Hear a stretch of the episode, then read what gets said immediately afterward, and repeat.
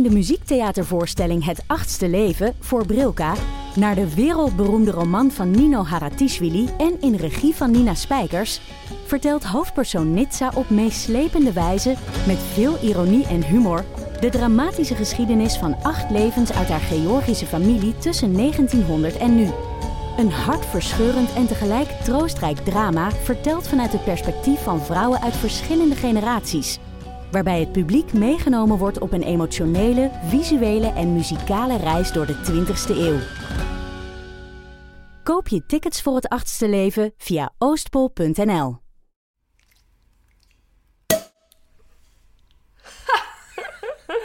Ah, we hebben net een fles cava open gedaan. Ja, want eh, het is niet... Het is, het is een speciale fles. Ja, we hebben... ehm, Sorry, ik kan geen twee dingen tegelijk en ik ben mijn glas aan het inschenken. Ja, altijd u eerst te bedienen natuurlijk. Ja. Hè. Nee, we hebben deze fles eh, cava gekregen eh, van de lijst. Ja, super cool. Ja. Super tof. We, Ja. hebben, we hebben er zes gekregen eigenlijk. Dus eh, de komende afleveringen moeten we onze eigen cava niet betalen. Waarvoor Nee. dank. Super bedankt. Yes, we gaan eens proeven hè, of dat hem lekker is. Ja. Alsjeblieft. Dank u. Zeg santé, ja. School. Dik in orde. Dat is prima.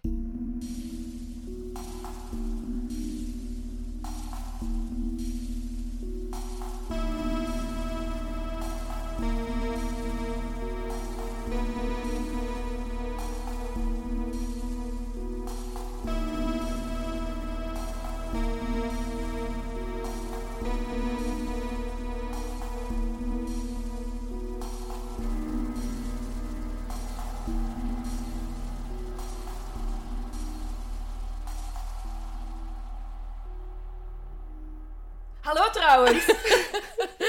Welkom bij aflevering 38. ja, goed, dat is zulke. Wij zijn nog steeds Laura en Silke. We zijn zo... Nee, ik dacht dat je nog ging zeggen welkom bij aflevering. Ja, wij zijn eh, nog steeds Laura en Silke. Ehm, en dit is aflevering 38. Ja, moeten we nog iets... eh, ik heb weer zin om er meteen in te duiken. Ik heb ook zin om er meteen in te duiken. Maar wel... vorige keer, ik, ah nee, vorige keer is mij gezegd geweest dat ik eerst moest vragen hoe dat het gaat. Dus bij deze, hoe gaat het? Goed, met mij gaat alles goed. Het, is, eh, het was een, een goede werkdag vandaag. Oké, prima. Ehm, ja, we hebben, het is gewoon een beetje raar, omdat we hebben elkaar dit weekend gezien. En dus we hebben al veel gebabbeld. Eh, moeten we iets zeggen over het coronavirus? Eh, ik ben nog niet besmet. Nee, ik ook niet. We'll keep you posted allemaal. Ja, inderdaad. Ehm, en verder, we hebben daar straks een leuk gesprek gehad. Met, eh, niet met Silke, want jij bent Silke. Eh, met Shani. Ja, Jeannie is ook een studente. Dus ja, wij helpen, wij helpen graag studenten. Dat was Ja. al de derde keer. Nu niet allemaal tegelijk. Ik denk dat het dan inderdaad een beetje moeilijk wordt. Maar eh, ja, als eh, wie dat er journalistiek studeert of weet ik veel wat allemaal. En jullie hebben vragen, jullie mogen die altijd stellen. Ehm, Andere mensen mogen ook vragen andere mensen ook natuurlijk. En wij proberen waar dat... Behalve als we moorden moeten oplossen of zo. Ja. Allee, echt eh, lopende zaken, Ja, want ja. daarvoor zijn we niet bevoegd. Ja, ik heb nog een leuk bericht gehad. ehm, ik, ik geloof via Instagram. En ik heb dus ook de naam van die persoon niet onthouden. Ehm waarvoor echt mijn excuses. Maar het was een heel goed verhaal in verband met Andras Pandi. Ja. Ah ja, ja, ja, ja, ja. Ehm, die eh, eh, die eh, jongeman vertelde dat hij dus ehm, ja, recht tegenover het pand van Pandi woonde. Ehm, het pand van pand. maar dat op dat moment dus nog niet wist. Ehm, en die zaten met een verstopte toilet of een verstopte riolering. dus die gingen oplosmiddel gaan kopen Ja, ja, ja. ehm, bij een winkeltje om de hoek. En die eh, eigenaar van die winkel zei: Ja, ik heb, eh, ik heb iets heel straf, ja, mag eigenlijk niet meer. Ehm, maar eh Pandy gebruikte het ook ehm, om, ehm, ja, om ja, zijn lijken Ja, mee, ja, mee, ja, mee- inderdaad. mee door te spoelen, zeg maar. Ehm, en wacht, hè, zijn naam is Jeff. Eh, hallo, Jeff. En eh, dus ja, ze hebben dat middeltje dan maar gekocht. En dan hebben ze dat in de riool, of in, de, in het putteke, gegoten. En hem begon heel erg te stomen. En ze hebben de ramen moeten openzetten. Hij is zelf ziek geworden. Zijn papa is zo wat half... Hij heeft overgegeven of zoiets, dacht En zijn ik, hè. papa is bijna bewusteloos gegaan. Ehm, Ja, dus dan, om maar te zeggen wat Hoe voor straf, strafspul Pandy had gekocht. ja, en dan zijn ze er dus achter gekomen dat ze eigenlijk recht tegenover Andras Pandi woonde. Ah, mm.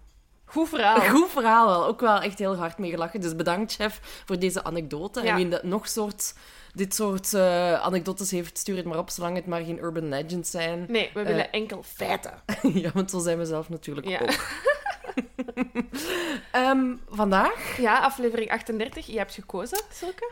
Ja, ik heb opnieuw gekozen. Ik kon het niet laten. Ik Maar ik was heel blij met die keuze.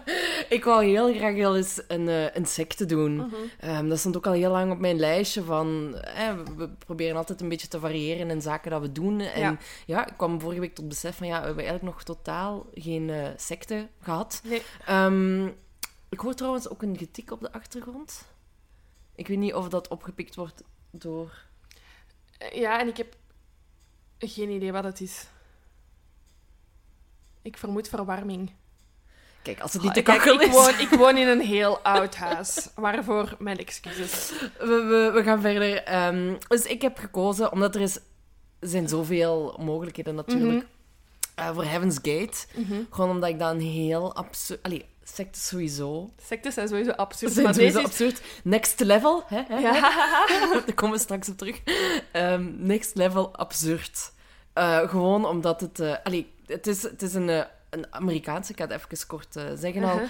Een, een Amerikaanse ufo-religieuze millenares... millen- millennial Ja. secte-achtig iets. Ehm, en op het einde pleegt iedereen collectief zelfmoord. Ja. En, maar gewoon het, het verhaal dat erachter zit, de ideeën die ze hebben. ehm, het is... ehm, ja, het is intriest gewoon. Ja. Ook gewoon. Heel vaak momenten gehad bij, bij de research, of van dat ik ervoor wist van... Dit is zo absurd en ik moet er eigenlijk een beetje om lachen. Mhm. Maar het einde is gewoon een catastrofe. Ja, er is inderdaad... Het, is, de- het heeft... Alles wat, aan wat dat je denkt bij een secte, heeft het niet per se, vind ik. Er zijn wel een paar kenmerkende dingen voor een secte, Ja. maar er komen zoveel, inderdaad, zo ehm, millennial stuff bij kijken. Iets dat je niet associeert, want ja, de secte heeft ook oorsprong voor eh, de eeuwwisseling. Mm. Ehm, in de jaren 60, 70, wanneer de meeste sectes in Amerika Ja. eh, zijn ontstaan. Maar er is ook zoveel andere dingen aan dat het echt wel ja, heel gek maken. Ik, ik vind het ook zo'n beetje een bric-à-brac-secte. Ja. Omdat ehm, de, de, waar ze in geloven verandert doorheen de jaren. Dus Mhm. Ja. er wordt, is heel, ze zijn zelf heel erg eh, op... Als het op de personen aankomt die, die de volgers zijn en zo, de volgelingen, daar is alles zeer strikt vast bepaald. Maar de ideeën Ja, zijn heel, Wisselend. heel fluïde en heel flexibel. En dat maakt het een, een atypische ja, secte, denk ik. ja, inderdaad. Zullen we er eh, aan beginnen? Ja. Ehm, we gaan het eerst over de oprichters hebben. Mhm. Eh, ik zou het graag eerst willen hebben over Marshall Applewhite. Ja. Ehm, hij is dus Goeie naam om secte te leiden. Dat moet ik wel ge- geven. Als mijn naam Marshall Applewhite zou zijn, zou ik ook een secte beginnen. een- ja, Laura Beck niet zo goed Nee, als... dat eh, is Zo niet- te gewoontjes, sorry. Zo, ja, Silke is- ook, hoor. Ja, maar- te gewoon. Maar die naam, dat is echt geboren secteleider. Voilà. Ehm, en hij is geboren op eh, 17 mei 1931 in Texas. En eh, ja, eigenlijk in een heel erg religieus gezin. Eh, zijn vader was een soort van Presbyterian minister. Mhm. En, eh, maar zelf was, was Marshall zo wat gematigd religieus. Hij was er niet Ja. echt in mee.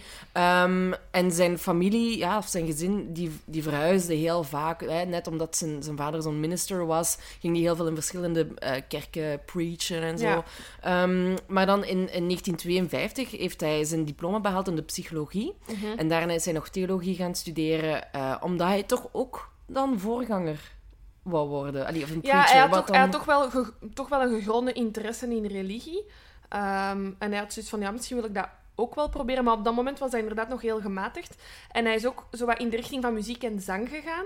Ja. Ehm, ja dan wel religieus gericht. Ehm, en hij Ja, want zo- hij wou, hij wou geen rockstar worden Nee, of zo. nee. Dat was eerder echt in religieuze kringen Ja, en het zo. is zo'n beetje... Hij wou geen rockstar worden, maar hij wou wel met muziek bezig zijn. En hij wou ook wel met religie bezig zijn, maar ook niet extreem. Dus hij koorleider geworden. Wat dat eigenlijk de perfecte samensmelting is van zijn interesses. Ja, hè. ja, ja, en muziek zeker. en religie, voilà. Dus ja, goede keuze, denk ik dan. Ja, en hij is dan ondertussen ook weer getrouwd. weer. Hij is al getrouwd met eh, Anne Pierce en kregen samen twee kinderen eh, met de ehm goede namen Mark en Lane. Mhm. En, eh, maar dan in 1954 uh, moet hij naar het leger. Hij moet zijn legerdienst doen, Ja. eh, zoals toen volgens mij gewoon nog wel verplicht was. Mhm. Ehm, eh, en hij moet daarvoor in Oostenrijk gaan dienen en in New Mexico. Dus hij Mhm. verblijft daar een paar jaar in, in, beide plekken. Ehm, maar na twee jaar zegt hij van, fuck it, deze. Echt, ik, eh, ik wil echt iets anders doen met mijn leven.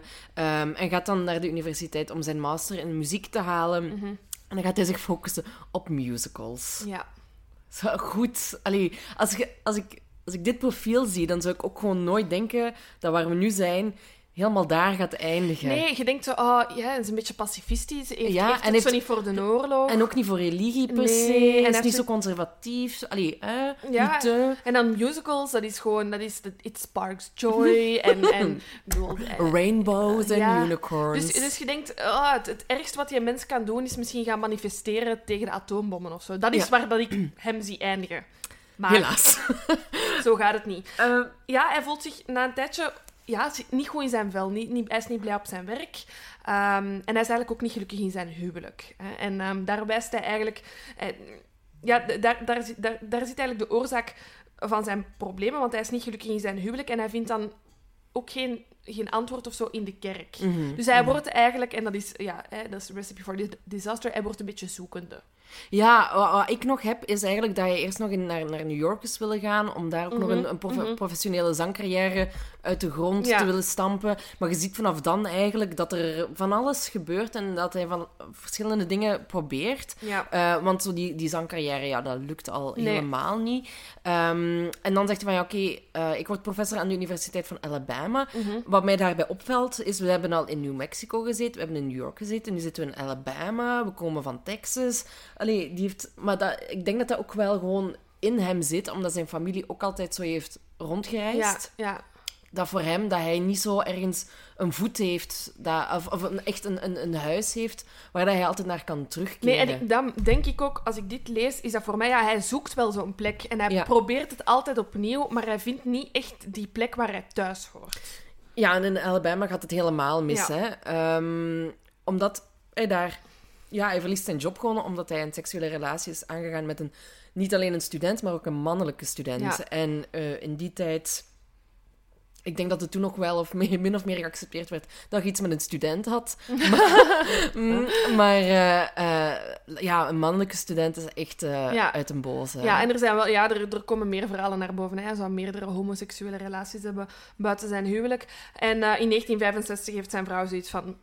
Ik heb het gehad. En zij verlaat hem ehm, samen met de kinderen. En op hetzelfde moment wordt hij dan ook nog eens ontslagen omwille van zijn gedrag. Ja, ja. En, eh, ja maar hij, hij zegt van ja, oké, ik verhuis wel gewoon weer. Hij gaat nu naar Houston en begint les te geven aan de University of St. Thomas.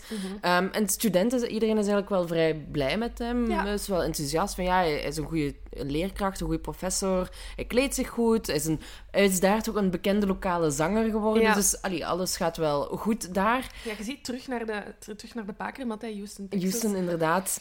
Eh, en hij, ja, wat ik gelezen heb, is dat hij dan korte tijd openlijk homo was. Mhm.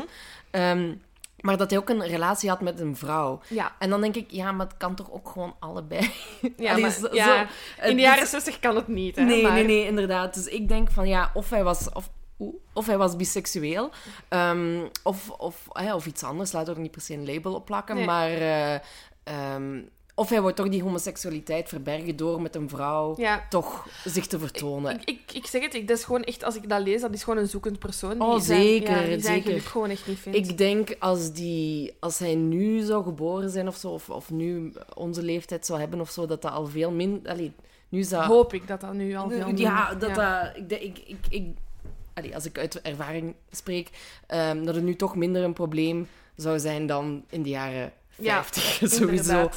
Ehm, maar goed, er zijn nog steeds eh, issues natuurlijk. Maar ik denk inderdaad, zoals gezegd, dat hij heel erg zoekende was en gewoon zijn gevoelens niet kwijt kon. En ja, dan moet je wel heimelijk in de kast blijven. En Ja. als er dan toevallig iemand passeert die je interesse wekt en die ook eh, zich identificeert als homo, Mhm. dat het dan al heel makkelijk is om elkaar Te vinden. te vinden en Ja. elkaar op te zoeken en te delen in, in die pijn of zo, Ja. van niet, je, Ja. niet, niet je eigen te kunnen Ja, zijn. het is, het is sowieso een, allee, het is super- triestig. Hè. Dit, dit levensverhaal is nu al super triestig, Ja, want ja, die ja. mens kan geen geluk vinden. Hè. Nee, inderdaad. Ehm, ja, het escaleert in ehm, 1970, want hij was dan opnieuw een relatie met een eh leerlinge begonnen, een meisje. Ehm, en eh, ze waren eigenlijk overeengekomen dat ze gingen trouwen. Ja. Ehm, en net voordat de bruiloft eh, zou plaatsvinden, ehm, heeft Applewhite, ja, is hij, is hij afgehaakt.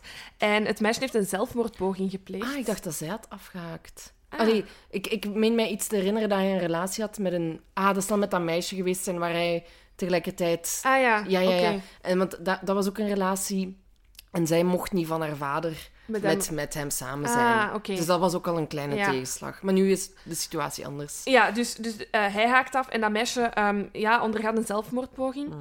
Ehm, en die vader eh, van dat meisje eh, werkt uiteraard, is een hoge pief op de universiteit waar hij op dat moment les geeft. Ehm, dus ja, hij krijgt natuurlijk de schuld, want ja, hij heeft zijn dochter laten zitten. En hij wordt daar dan ook ontslagen. Ah ja, ja ik, had, ik had gelezen dat hij daar ook depressief was geworden en, en, en heel erg veel emotionele problemen had, zoals Mhm. hij het omschreef. Dat, dat, dat hij dat had aangegeven als daarom Ah. geef ik mijn ontslag. Oké. Maar misschien dat je nog op een andere universiteit ook lesgegeven heeft. Eh, kan. Ehm, en dan in 1971 denk ik, ik, ga, ik draai de roer weer om. Ik verhuis eh, terug naar New Mexico. Ja. En eh, ik open daar een delicatessenzaak. Ja. Zo. Je hoeft geen Carrière kennis te hebben. nee, of het ja. is, eh, ik ga dat gewoon doen. Ehm, maar en ja, dat slaat eigenlijk wel aan hoor, bij de mensen die zaak. Ja. Maar echt na een half jaar of zo zegt hij al van ja, mm, dit is het toch niet. Nee. Eh, ik ben weer weg.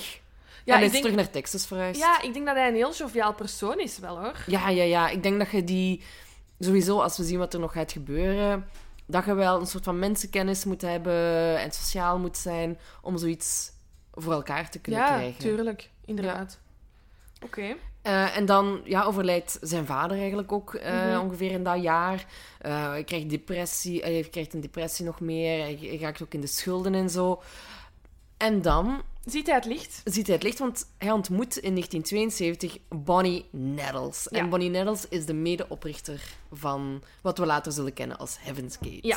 Bonnie ehm, was in het dagelijks leven een verpleegkundige. Mhm. Dus dat lijkt heel onschuldig. Ehm, maar ze hield zich daarnaast met occulte zaken bezig. Ja. Ehm, ze gaf, eh, hoe dat ze het zelf noemde, ehm, astrologische consulten.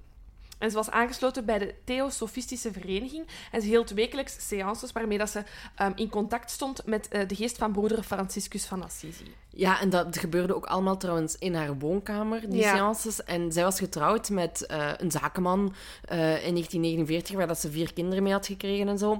Maar die, die Joseph, haar man, die had echt zoiets van... What the fuck is hier gaande? Dit, ik kan dit gewoon niet aan. Eh, en ehm, vooral ook op, op het moment dat, dat ze zei van... Ja, en eh, ik, eh, ik ben in contact met broeder Franciscus. Eh, dat betekende echt het einde voor Ja. een huwelijk ook. Ja, ja. ja, ik vind dit is weer zoiets typerend jaren 70 Ja. Amerika. Hè? Mensen die zich ineens met geesten gaan... Allee, er zijn altijd, er zijn altijd wel... Spiritualiteit. Ja, spiritualiteit is er altijd wel geweest, maar er is wel echt een enorme opflakkering in de jaren 70 en 80. Eh, dus dat vind ik weer zeer, eh, zeer typisch. Ehm, ja, Applewhite... Ja, hij had enorm veel bewondering voor Bonnie. Ja, Eh, hij besloot wel onmiddellijk voor zichzelf dat het een soort van ideale platonische partner was. Dus hij voelde zich, ehm, zegt hij, of verklaarde hij, in eerste instantie niet seksueel tot haar aangetrokken. nee, nee, nee, klopt. Ehm, ik zou nog willen zeggen over hoe dat ze elkaar ontmoet hebben. Ja, ja. Ehm, in 1972 gaat, gaat Bonnie eigenlijk naar verschillende waarzeggers. En ehm, die zeggen eigenlijk allemaal van ja, je gaat een mysterieuze lange man ontmoeten met licht haar en een lichte huidskleur. Mhm. Kan natuurlijk iedereen, elke man zijn met een lichte huidskleur. Ja, Ehm, ja, het beeld van, dat is ook mijn beeld van een jaren 70 Amerikaanse man. Ja, inderdaad, een lange mysterieuze man. Ja, Een beetje die ook zo in die spiritualiteit sferen vertoeft. Ehm, nu, hoe dat ze elkaar uiteindelijk echt ontmoeten, Ja. dat is tot op heden niet, Nee. niet duidelijk. Er zijn verschillende pistes. ja ik denk dat... eh, Ik heb ergens gelezen dat, hij, ja, dat Applewhite naar haar eh seances kwam en dat ze zo elkaar eh, zouden hebben ontmoet in ja, hun zoektocht naar spiritualiteit. Ja, ik, ik, heb, ik heb nog een paar pistes. Ehm, ene was, Marshall zou gezegd hebben dat hij een vriend in het ziekenhuis had bezocht en dat Bonnie daar aan het werk was als uh, verpleegster. En dat voelde alsof hij haar al heel lang kende. Zo in het Engels was, zeiden ze van ja, their eyes locked and they instantly knew that they were meant to be of whatever, eh, zoiets.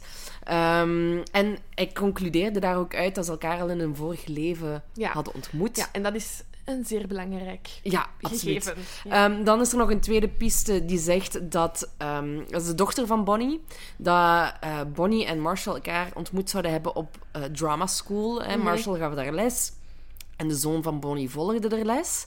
Um, maar wat het meeste wordt aangenomen is dat, uh, ja, dat, dat, dat Marshall een soort van um, hoe zeg je dat, een, een bijna doodservaring heeft Ja. gehad.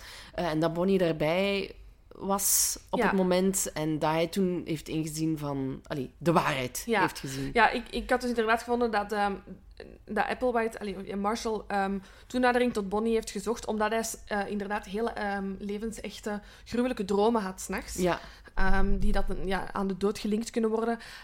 En dat hij eigenlijk bij, ja, bij Bonnie langs ging voor oplossingen eigenlijk. ja. Eh, dus dat zij, en zij schreef dat onmiddellijk toe aan geesten. Oké. Uiteraard. Want, ja. Broeder Franciscus zal er wel Ja. iets mee te maken Ja. hebben gehad. Ehm, dus, en en wat, wat ook duidelijk wordt, is dat eigenlijk Marshall in die periode dat, dat ze elkaar leren ontmoeten, ook al op zoek was gegaan naar een alternatief voor het, ja, het christendom eigenlijk, hè, voor Ja. zijn geloof. Ehm, waaronder astrologie, omdat hij ook een visioen had gehad. Mhm. En nu komen we er al dat hij was gekozen voor een rol zoals die van Jezus. Ja, voilà. De dag dat je denkt dat je zoals Jezus in het leven moet staan, zoek hulp. Is En ga goed. niet naar iemand die seances geeft of nee, zo. Zoek nee, nee, er zijn zo van die Wikipedia-pagina's, hè, People Who Think They Are Jesus. En dat is echt Mm. lijsten van mensen die daar inderdaad ook zo'n openbaring hebben gehad. Ehm, maar ja, ze vinden Ah, maar wel... als Jezus nu trouwens wel echt terugkomt, niemand gelooft die. hè? Niemand gelooft die. Ik, ehm, ik, had, ik zag voor het laatst een show van een comedian, maar ik, ik weet niet meer, ik weet zijn naam niet meer. eh, die zei van, ehm goh, kijk, eh, religie is eigenlijk heel simpel. Elk geloof dat jonger is dan 2000 jaar is een secte. Ja, maar dat is ook wel kenmerkend voor een secte. Hè? Bij, bij, er moet iemand, de leider leeft nog ja. en die is heel charismatisch. Ja. En, maar ja, dan kun je natuurlijk ook denken dat christendom toen Jezus nog leefde ook een secte was. Ja. Zwat, dit is een theologische Ja. discussie waar we misschien niet verder op in moeten gaan. Maar hij- die, die comedian heeft inderdaad wel ja. een punt ergens. Hè.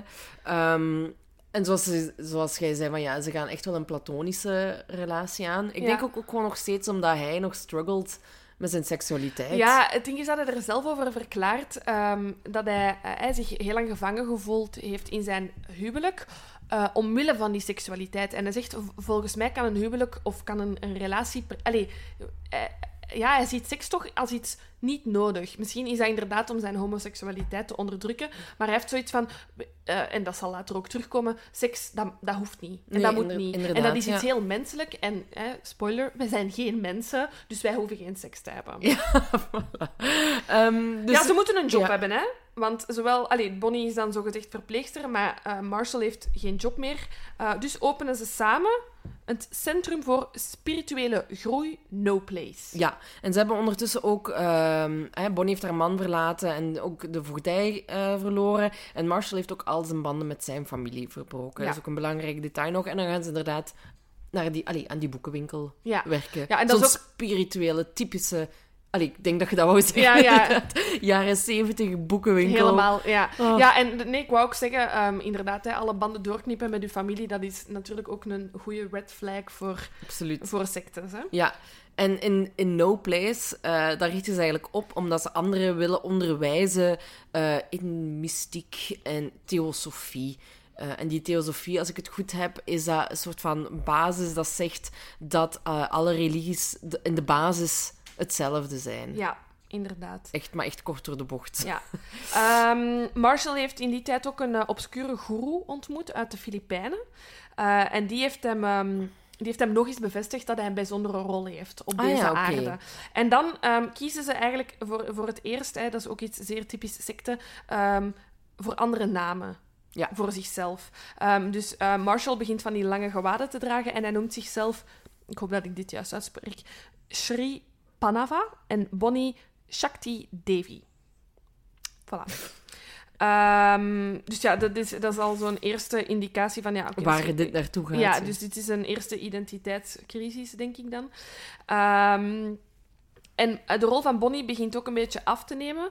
Ehm, ook iets typisch secte. Mhm. Namelijk, er wordt één leider gepusht en dat zal Apple... Ja, hoe, hoe ik het had begrepen, was dat hij het gezicht zo wat meer werd Ja, en eh, zij wel. de brains Eh, wel, was. ja, ja, voilà. ja. Dus, dus hij gaat wat meer op de voorgrond staan en zij is inderdaad eh, eh, de sterke vrouw achter de man. Ja, inderdaad. Ehm, en ja, ze zitten dan in die no place, maar eh, ja, eigenlijk blijft dat ook al niet lang bestaan, want in 1973 beslissen dan om eh, rond te gaan reizen door het, het westen en het zuidwesten van de Verenigde Staten, om andere mensen te overtuigen van hun geloof. Ja, ik vermoed dat als uw winkel niet werkt, dan is dat inderdaad omdat, er, omdat ze daar gewoon niemand kunnen overtuigen van Nee. hun geloof. Dus ze moeten inderdaad beginnen rondtrekken, want ja, ze vinden gewoon niet genoeg volgers. Inderdaad. Eh, maar ja, ze hebben natuurlijk ook geen geld. Nee. Eh, want ze, ik denk dat, dat Bonnie gewoon haar, haar werk als ver- verpleegkundige gewoon compleet heeft opgegeven Mhm. om, eh, om helemaal toegewijd hieraan te kunnen werken of zo. Ja. Ehm, en ze verkochten dus onder andere hun bloed. Mhm. Ehm, of ze hadden andere rare jobjes. Ehm, ze, ook, ze aten ook alleen maar brood en ze kampeerden. Ja. Topleven. Ja. En Ehm, ze hebben dan eigenlijk het, na een half jaar hebben ze het grote licht gezien op hun rondreis. Ja. Of ben ik te snel? Nee, ehm, ik, wou, ik wou gewoon nog eh, zeggen dat ze in eh, 1974 toch al een eerste volgelingen kregen. Ja. Of wou je dat daarna pas zien? Ja, ik wou Ah, zeggen dat ze, dat ze eerst hun, hun, hun- hun grootste inzicht hebben ze eigenlijk gekregen ehm, rond de Rogue River in Oregon. Oregon, daar waren ze aan het kamperen. Ehm, en ze hebben die plek later Hideaway genoemd. Ehm, en daar hebben ze zichzelf herkend als... eh, daar hebben ze een soort van openbaring gehad. En dat zij de twee getuigen waren van die, Ja. van die openbaring eigenlijk. Hè. Dus dat is een beetje waar dat... eh, allee, de zoveelste openbaring gebeurde. Hè. Want ja, Applewhite heeft al gedroomd dat hij de leider moest zijn en zo. Ja. Maar dit was nog eens een belangrijke openbaring voor hen. Ja. Ehm, hij heeft daar achteraf zelf over getuigd. eh, dus een quote van hem is... Toen we ontwaakten, dachten we... Hoe kunnen twee mensen tegelijkertijd en op dezelfde manier krankzinnig worden? Dat is niet mogelijk. Het feit dat Bonnie bij mij was, verzekert mij dat ik mijn verstand niet Ah, heb ja. verloren. Het is een beetje zo'n folie à deux, eigenlijk. Ik wou hè? juist zeggen, psychiaters eh, hebben daar een heel simpele verklaring voor, namelijk folie à deux. Je kan perfect met twee eh, gek worden. Hè? Dus eh, een folie à deux is ehm, waar een patiënt zijn waanideeën zo overtuigend overbrengt op zijn partner, dat je eigenlijk met twee die ehm, ja, ideeën aanneemt. Maar hij, hij had zoiets van, ik ben niet alleen. Ja. Zij ziet dit ook, of zij beleeft dit ook, dus dit is legit. Ja, want wat, wat dat eigenlijk eh, zegt ehm, over, die, over die getuigen, hè, wat, dat, wat, dat, wat dat eigenlijk is, ik ben Mhm. dat gaan opzoeken, want ik kende dat niet. Ehm, dat, dat komt dus voort uit het Bijbelboek, de openbaring van Johannes. En die getuigen verschijnen uiteraard in de eindtijd tijdens de regeerperiode van de, van de Antichrist.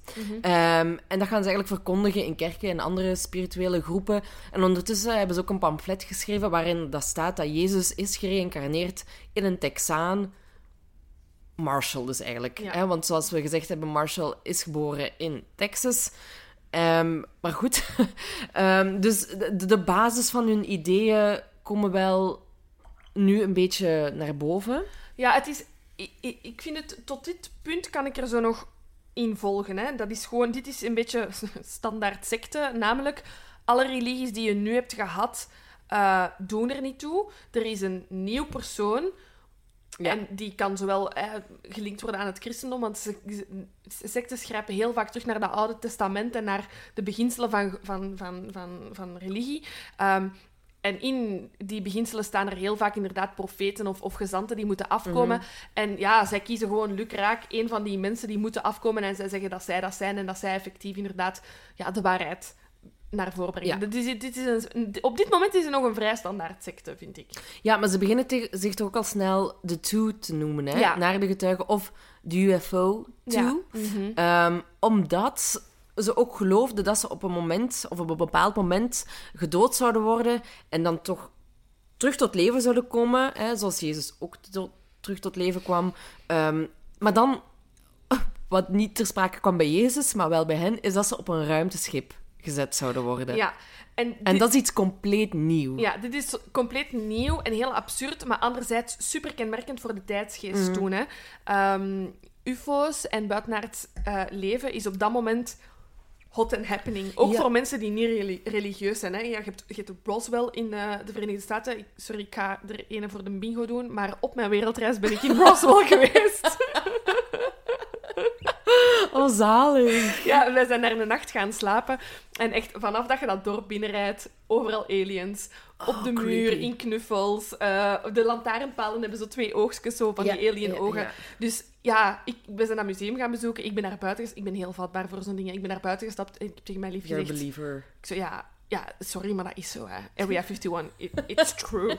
Ehm, maar dus dat is, dat is op dat moment wel iets dat leeft in de hele maatschappij. Ja, absoluut. Eh, maar ik Ja. vind het natuurlijk wel bijzonder dat iemand eh, het, eh, religie daaraan kan linken. vind ik wel goed. Ja, ja, zeker. En ehm, ze zijn ondertussen wel onderweg aan het reizen en proberen mensen te lokken om, om als volger, allee, dat ze volgers krijgen en zo. En op een gegeven moment krijgen ze dus een eerste volgeling. Mhm. En dat was, dat was iemand die ze al kenden. Ze hadden daar heel, heel lang mee gecorrespondeerd met, ehm, eh, met brieven en zo. Ehm, en die zegt uiteindelijk van, ja, oké, is goed, kom af. Ehm, maar dat gaat eigenlijk al snel mis. Mhm. Want, eh, ja, zoals we al zeiden, van, eh, Marshall en Bonnie hadden totaal geen geld.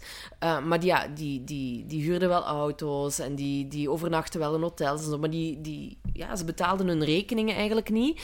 En tegen hun eerste volgelingen zeiden ze van... Ja, maar goed, wij, wij mogen dat. Dat is allemaal oké. En ehm, de eerste volgelingen, die, die, zei, die had wel zoiets van... Ja, maar dit vind ik toch wel allemaal een beetje vreemd. ja. En louche, inderdaad. En na vier weken... ehm, ja, zegt van ja, ik ga even een, een vriend bezoeken. Ook legit, hè. Dat ze zeggen, ik ga een vriend bezoeken. Ehm, en, eh, want... Maar dan, hè, want ze had ook een, een, een, man en kinderen. Mhm. En opeens staan die man en kinderen bij die vriend in dat huis. Ja. En die hebben daar echt gewoon vastgegrepen en gezegd van... Ja, je moet wel echt blijven. Eh, en toen heeft zij gezegd van... Ja, oké, eh, ik blijf. En toen stonden ze terug op nul natuurlijk, Ja. hè, Bonnie en Ja. Marshall. Inderdaad. Ehm, ja, het lukt niet zo goed. Hè. En in 1975 gebeurt er dan iets heel stom. Allee, heel stom. Ehm, eind augustus ehm, wordt Marshall gearresteerd omdat ze een gehuurde auto Ja. niet op tijd hebben teruggebracht. Ehm, en hij belandt in de cel. Hij zegt daarover... Ik had de goddelijke autoriteit om de auto te houden. Mm, Oké. Ja. Oké, ook- Ik ga Marshall. ook echt eens proberen. Oké, boomer. Yes, ja, inderdaad. Oké, boomer. Ehm, ehm, maar eh, zoals iedereen, eh, elke getormenteerde geest in de cel, ehm, is dat weer een moment van openbaring. Hè. Dat gebeurt zo vaak. Ja, hè. Eh, Hitler. Hitler, ik wou echt tussen zo... Hitler schreef Mein Kampf. Napoleon heeft zijn, zijn testamenten geschreven in gevangenschap. It happens. Dus Ja. uiteraard, hij kon niet achterblijven. En in de cel schrijft hij Statement 1. En ehm, ja, hier gaat het voor mij, hier ontspoort het voor mij. Ehm, statement, Hier passen. Ja, nee, ja, dit vind ik echt wel... Dit is, voor mij, hier, kan ik, hier hebben ze mij niet meer mee. Ehm, statement 1. ehm, daarin wordt een mens vergeleken met een rups die in een vlinder kan veranderen. Jezus heeft deze metamorfose al eens getoond, voorgedaan, door in een nieuw lichaam, hè, opnieuw, ja, resurrection, hè, terug tot leven te komen. Maar eh, Jezus is dus eh, naar de hemel gegaan. Ehm, en wij denken allemaal dat dat via een wolk is, dat Jezus naar de hemel is gegaan. Maar dat is uiteraard niet waar. Niet waar. Jezus is met een ruimteschip gegaan. Ah ja, oké, Want, ik bedoel, hoe anders raakt je daar? Mhm. Dus eh, Jezus is daar met een ruimteschip gegaan. En onze twee getuigen, eh, die uitverkoren zijn en ja, wat doen die hier eigenlijk op aarde, die zullen binnenkort ook met een ruimteschip de dood demonstreren en ook eh, ten hemelen treden. Noemden ze dat ook niet de demonstration? Ja. Ja, ja. Ja. Ehm, en hij wordt dan enkele maanden later naar de eh, uit de gevangenis eh, ontslagen. Ehm, en dan beginnen ze eigenlijk, eh, beginnen hij en Bonnie nemen het leven terug op zoals ervoor. En ze gaan in en rond LA ehm, lezingen geven en religieuze zoekers helpen. Ja, en ze, ze publiceerden ook advertenties en zo, hè, voor meetings waar dat ze volgers konden Mhm. gaan recrute- recruteren. En als ze, die, als ze dan mensen hadden gevonden, dan noemden ze die ook The Crew. Ja, ja. Ze hebben zichzelf ook in deze tijd een super toffe eh, nickname gegeven, Ja. namelijk Guinea. Ja, Guinea hoe, hoe zeg je dat? Guinea. Guinea en pig. Ja, zoals een Gu- Guinea pig. Ja, ja, ja. ja voilà. Ehm, Eh, maar is, dit is de eerste keer dat het er wel toch een beetje succes is, want ze zouden toch een twintigtal volgers opscharrelen. Ja, en ze noemen zichzelf nu de Anonymous Sexaholics Celibate Church. Mhm. En wat dat allemaal met ruimteschepen en zo te maken heeft, I have no clue. Maar ik denk dat ze gewoon die naam op dat moment pakken, zodat het toegankelijk blijft. Dat mensen niet meteen denken, wat voor wakko's zijn dat Ja. met hun ruimteschepen en aliens en toestanden. En ik denk dat ze dan in hun meetings en zo eh, ter sprake pas brengen. Of zo. Ik weet het niet. Ja, en maar dan wisselen ze nog eens van naam. Ja. En dan worden ze Bo en Piep. Ja, sorry, maar echt... Allee, dat, niemand kan dat toch serieus nemen, maar blijkbaar mensen in de jaren 70 wel. Eh, dus Bo en Piep. En zij eh, verkondigen dat ze dus twee... Dus ja, het is weer zo'n kleine... Ja, het- is weer een kleine wijziging van hun, van hun ja, idee. Ze zijn nu twee afgezanten eh, die de menselijke evolutie naar een volgend niveau gaan Ja. tillen. Hè? Dus het leven waar we nu zijn is level 1. En om naar de next level te geraken, ja, Hè? heb je... Ja, de next level. eh, heb je eh, Bo en Piep nodig. Ja, Ehm, wat ze ook nog ehm, deden, hè, want ze hadden dus de naam meer veranderd van de... Van, van naam, eh, naam veranderd van de groep, Ja. naar de Human Individual Metamorphosis. Ehm, en wat daar ook in aan bod komt vanaf dan, en dat is zoals ik in het begin zei, hun ideeën zijn nooit echt vast geweest. Dus dat maakt het voor ons ook een beetje moeilijk om het allemaal eh, ja. ehm, chronologisch en zo te vertellen hoe Mhm. dat het exact zit. Maar nu komt ook eh die hypothese aan bod bij Marshall, in de, in- toch in ieder geval, van de Ancient Astronaut. Mhm. Ehm, en daarmee bedoelt hij dat het eh buitenaardse leven de mensheid al eerder had bezocht in het verleden en de mensen op aarde had gezet, om die dan later weer op te pikken. ja, de mensen die slim genoeg waren. De mensen die eh, goed genoeg waren. Ja. En wat daar ook mee gebeurde, want eh, Marshall was blijkbaar, hoe kan het ook anders, een grote science fiction fan. Eh, hij gebruikte ook echt vaak zinnen uit Star Trek. En Ja. hij- als hij keek naar Star Trek, ehm, dan zei hij dat de aliens via de show met hem spraken. Ja, ja. Laat dat even bezinken. Ja, inderdaad. Ja, ons, eh, ja ik ga, eh, ons komisch duo, ik ga ze zo noemen, eh, vonden dat dat wel goed werkte per twee. Dus hun volgelingen werden ook in koppels opgedeeld. Ja. Ehm, ze, dus ze werden zo wat buddies. Ehm, Mag ik eerst nog even zeggen wat voor mensen dat waren die aansloten bij hen? Ja. Want dat is Je hebt, de, Silken heeft mij vandaag ook beeldmateriaal van die mensen doorgestuurd. Gaan we zeker delen. Wauw. Parels. Het is echt prachtig. eh, maar ook weer intriest. ehm Ja. nu, wat duidelijk wordt, is dat vanaf 1975 eigenlijk het, het aantal volgers eh, toenemen. Hè, omdat ze ook meer media-aandacht krijgen. Er, er broeit wel iets in die Sorry, dit is gewoon volgers, media-aandacht. Stel je voor dat wij een secte zijn. Onze volgers groeien. We krijgen wat media-aandacht.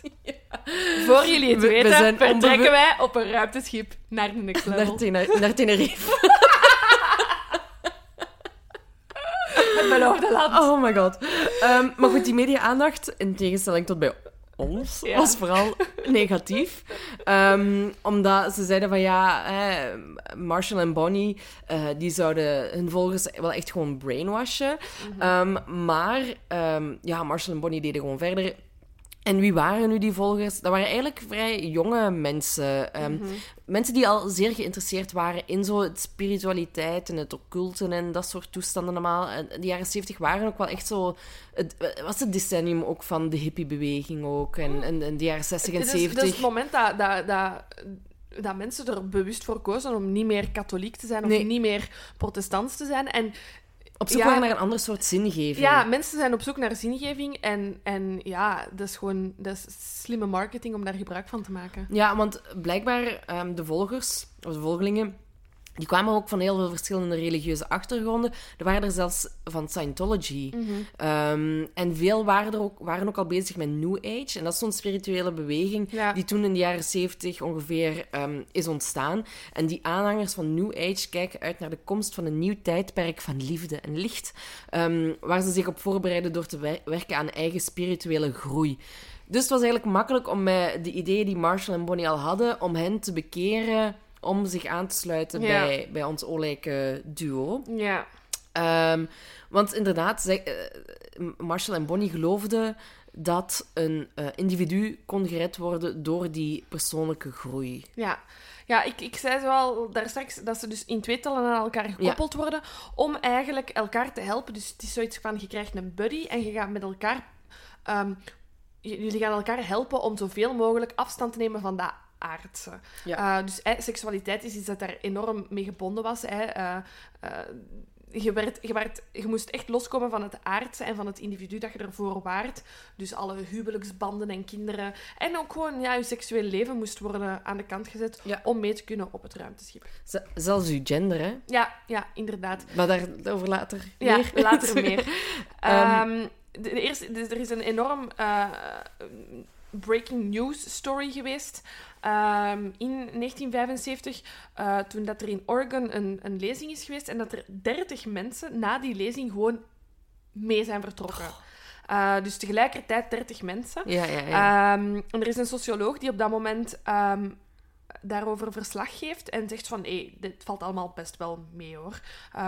Dit is echt oké, maar blijkt dat die men zich twee, maanden later ook heeft aangesloten. oh nee. Ja.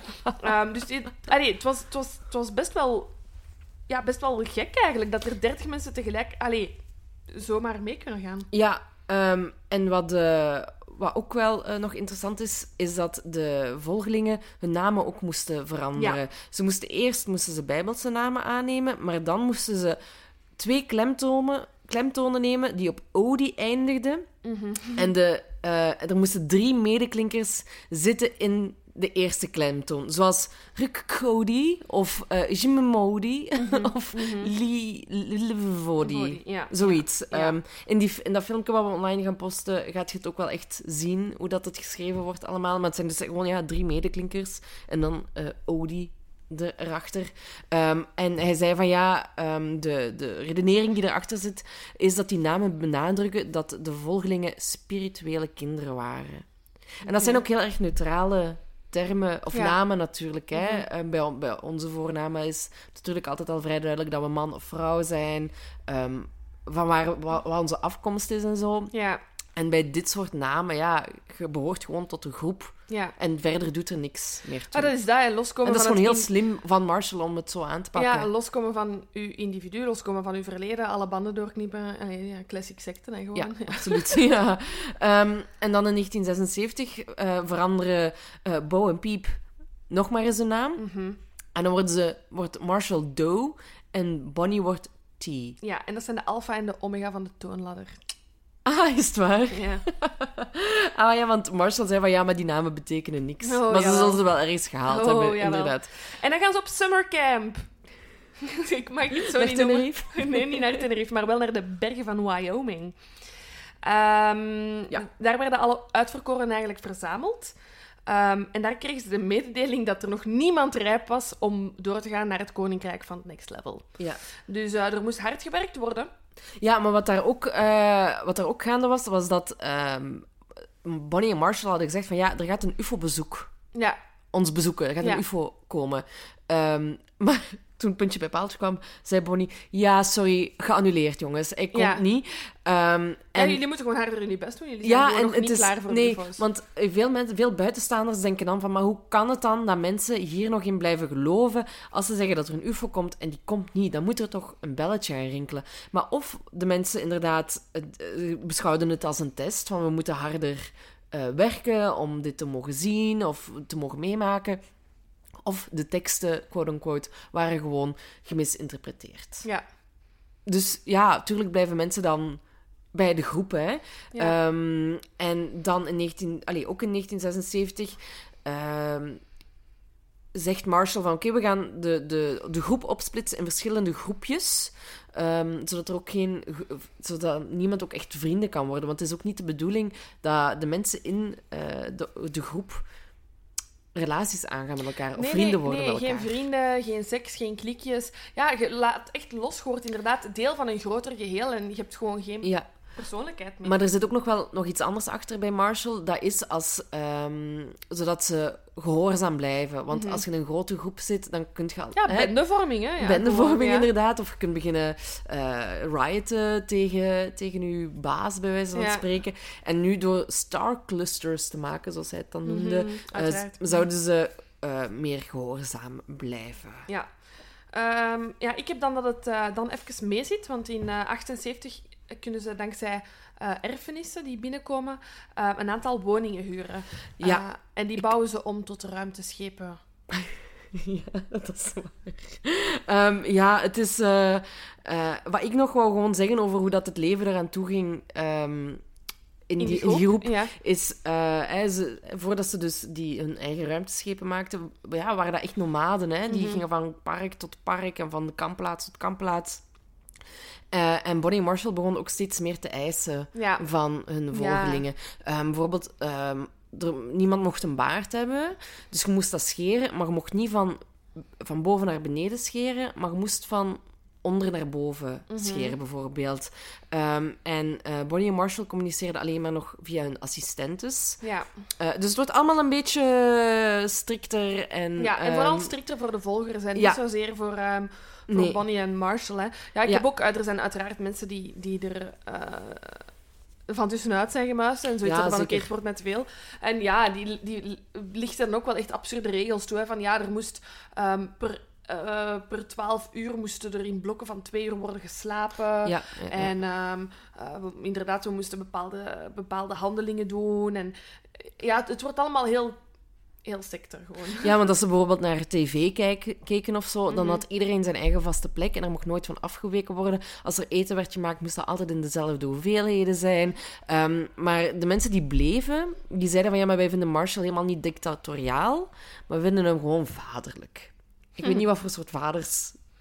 eh, Allee, jullie allemaal Ja, hebben en zo, dat maar... jullie zijn opgevoed, maar... eh, Maar ja. dit klinkt toch niet erg ehm, vaderlijk of liefkozend. Ja, hij, hij, hij, hij, pretendeert de waarheid in, in, in, in, in, de hand te hebben. Hè. Dus Mm. eh, ik denk als je zoekende bent en, en volgzaam bent, dat het niet uitmaakt wat hij zegt, maar dat je gewoon zoiets hebt van, ja, hij weet het beter, dus ik ga Ja. gewoon volgen. Ja, en hij gaf u ook eh, wat ze dan noemen de illusion, illusion of choice. Mhm. Ehm, hij, hij zei van ja, hè, mensen, volge- volgelingen mochten ook niet roken. En dan zei hij van ja, als ik u was, zou ik niet roken, want anders ga ik niet in de next level. En dan is dat zo van, ah ja, maar ik wil bij deze groep. Allee, weet je, Ja. je krijgt niet zo echt de keuze van.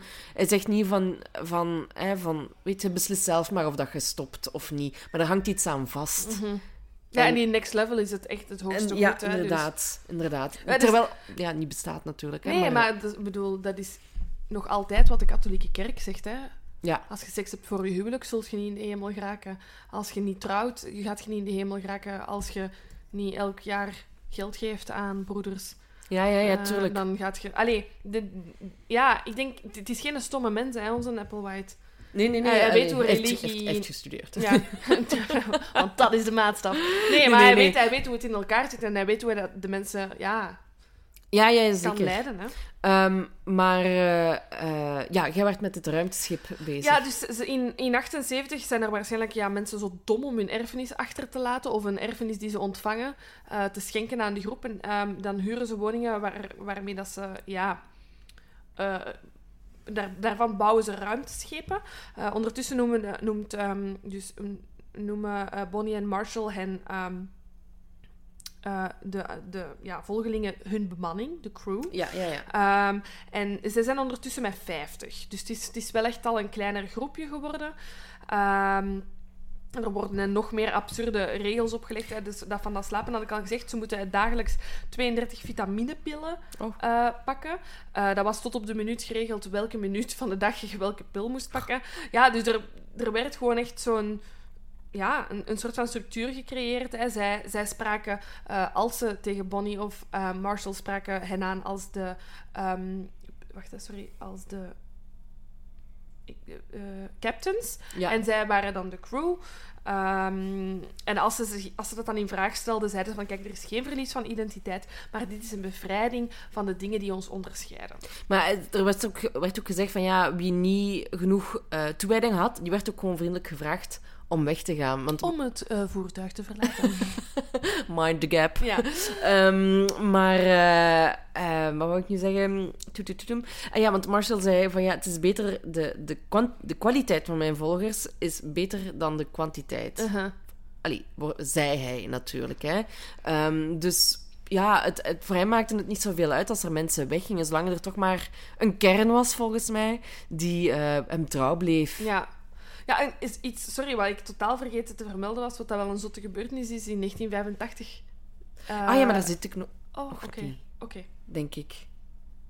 Oh, ja, nee, nee. Ik, sorry, ik, ik, ik vergis mij. We zijn over 78 bezig. Ja, jawel, ja, jawel. ja, ja. Ja, nee, nee, nee. Ehm, ja, dus eh, wat ook zo was, hè, ze verhuizen dan... eh ze, ze huurden dan verschillende huizen en ze verhuizen ook continu. Mhm. Ehm, en wat ze ook moesten doen, was eigenlijk dat ze hun ramen bedekten. Ja, ja, ja. Dus ze waren zeer geheimzinnig. En wat wordt gezegd is dat van zodra buren iets zouden doorkrijgen...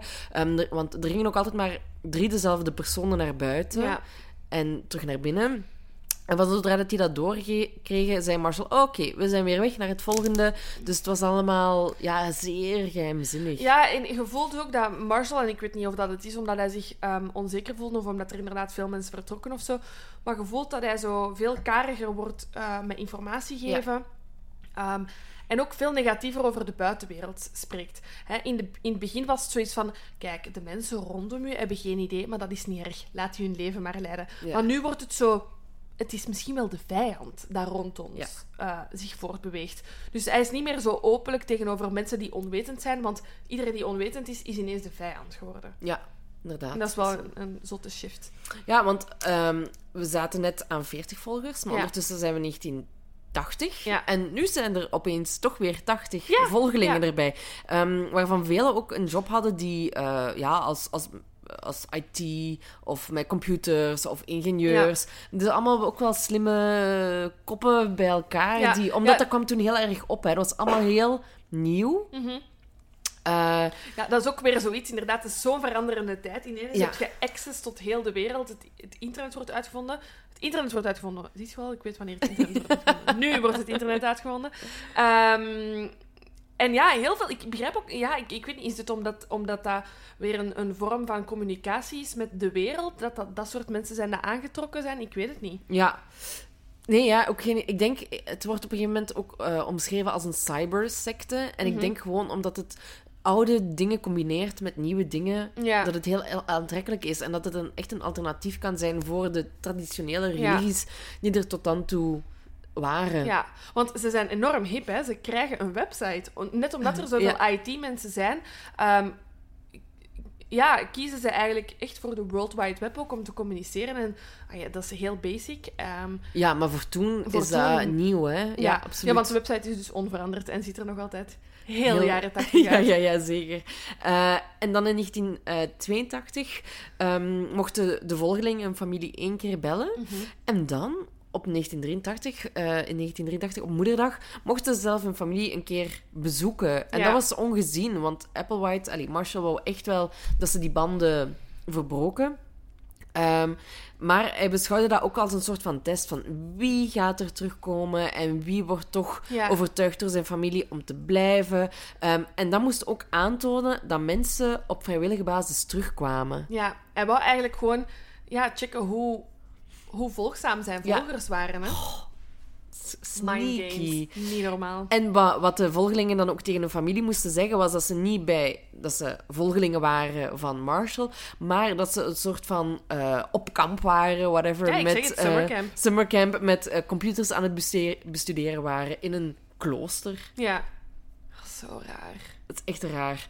En, maar ja, dan, dan het tij begint een beetje te keren, Ja. want Bonnie wordt ziek in 1983. ja. Ehm, ja, en dat staat niet op de planning. dat hè? staat niet op de planning, nee, nee, nee. En ze moet al een oog laten verwijderen, eh, omdat ze kanker heeft. Mhm. En dan in 1985 ehm, Ruilt ze het aardse voor, het, voor de next level. voor de next level. Voor de ja. next level. Want dat is ook het ding, hè. Dus er wordt de hele tijd gezegd dat er naar een next level eh, moet worden gegaan. Ehm, en ze zijn daar eigenlijk, zelfs voor Bonnie haar dood, vrij eerlijk over. Ja, je gaat moeten sterven. In het begin niet, hè. In het begin was er geen sprake van dat je jezelf pijn zou moeten doen. Of Nee, nee, dat niet. ook. Maar Ja. als, het, al- als je natuurlijke dood zou Ja. sterven, zou je ook in de next level kunnen Ja. geraken. Hè? Ehm, dus eigenlijk is... Het, het is een beetje een geluk bij een ongeluk, maar ja, Bonnie komt te overlijden op een natuurlijke... Allee, ze is wel Ja. ziek, maar het is een natuurlijke dood. En dat is... Dat, dat grijpt, Marshall grijpt die kans ook onmiddellijk om te zeggen van... Kijk, Bonnie is al naar daar. Ze werd geroepen. Ze is Ja. naar daar. Maar wij communiceren nog. Ja, en wat, wat ook een, een, een drastische shift was in, eh, in heel dit gebeuren, was dat in het begin zei van ja, maar de, het lichaam moet, het, moet de reis ook maken. Maar ja, Bonnie, haar lichaam lag daar nog wel. Ja. Dus nu was het van ja, maar het is uw spirit, uw Ja. geest Ja, uw dat de reis lichaam maakt. is een voertuig. Een voertuig, ja. Dus eigenlijk is uw lichaam een vliegtuig of een ruimteschip. En de ziel van Bonnie was naar een ruimteschip gereisd en had daar een nieuw lichaam gekregen. Ja, En bij hem en zijn volgelingen zou hetzelfde gebeuren. ja, ja. Ehm, en hij noemt dat ook een walk-in, Mhm. als ik het goed heb. Ehm, en dat zijn eigenlijk hogere wezens die controle nemen over volwassen lichamen om de mensheid iets te leren. Dus Ja. Bonnie was nu zo'n walk-in geworden, als ik het goed heb. Ja, zij was eigenlijk ja, echt level up gegaan. Hè? Ja. Ehm, haar, haar ziel had lang genoeg op, op, op onze aardse planeet gezeten.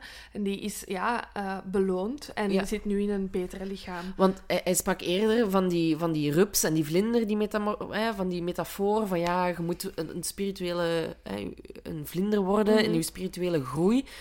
En nu, zegt, nu laat hij dat eigenlijk gewoon links liggen en hij zegt ja, maar uw, uw lichaam is inderdaad gewoon een vessel, een Ja. voertuig Ja. voor iets anders.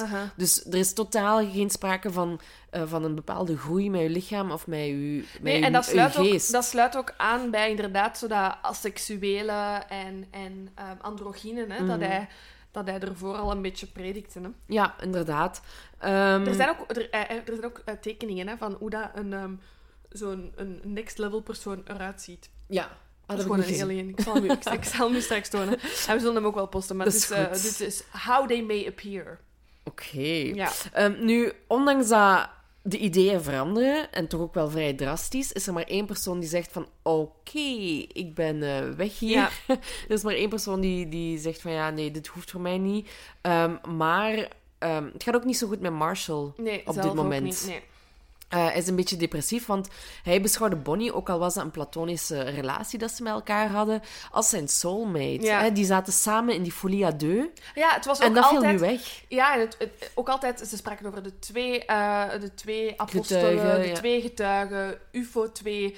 Het, het was wel altijd, en ja, ik bedoel, hij heeft zijn groep ook opgedeeld in duo's. Die, dat Ja. belang van met twee te zijn was er wel. En nu was hij inderdaad alleen. Eh, en ja, ik denk echt dat dat een beetje de, de laatste schop onder zijn gat was om volledig crazy te gaan. hè. Ja, ja, ja. Maar gelukkig had hij zijn volgelingen nog, want Ja. die, die blijven hem wel steunen. Ehm, en er is op een gegeven moment zelfs een ceremonie waarin hij met zijn volgers eh, trouwde om een soort van eenheid te creëren. Dus het Ja. is allemaal zo tegenstrijdig, want Ja. eh, er mogen geen relaties aangegaan worden, maar toch Mhm. trouwt hij om, om eenheid aan te duiden.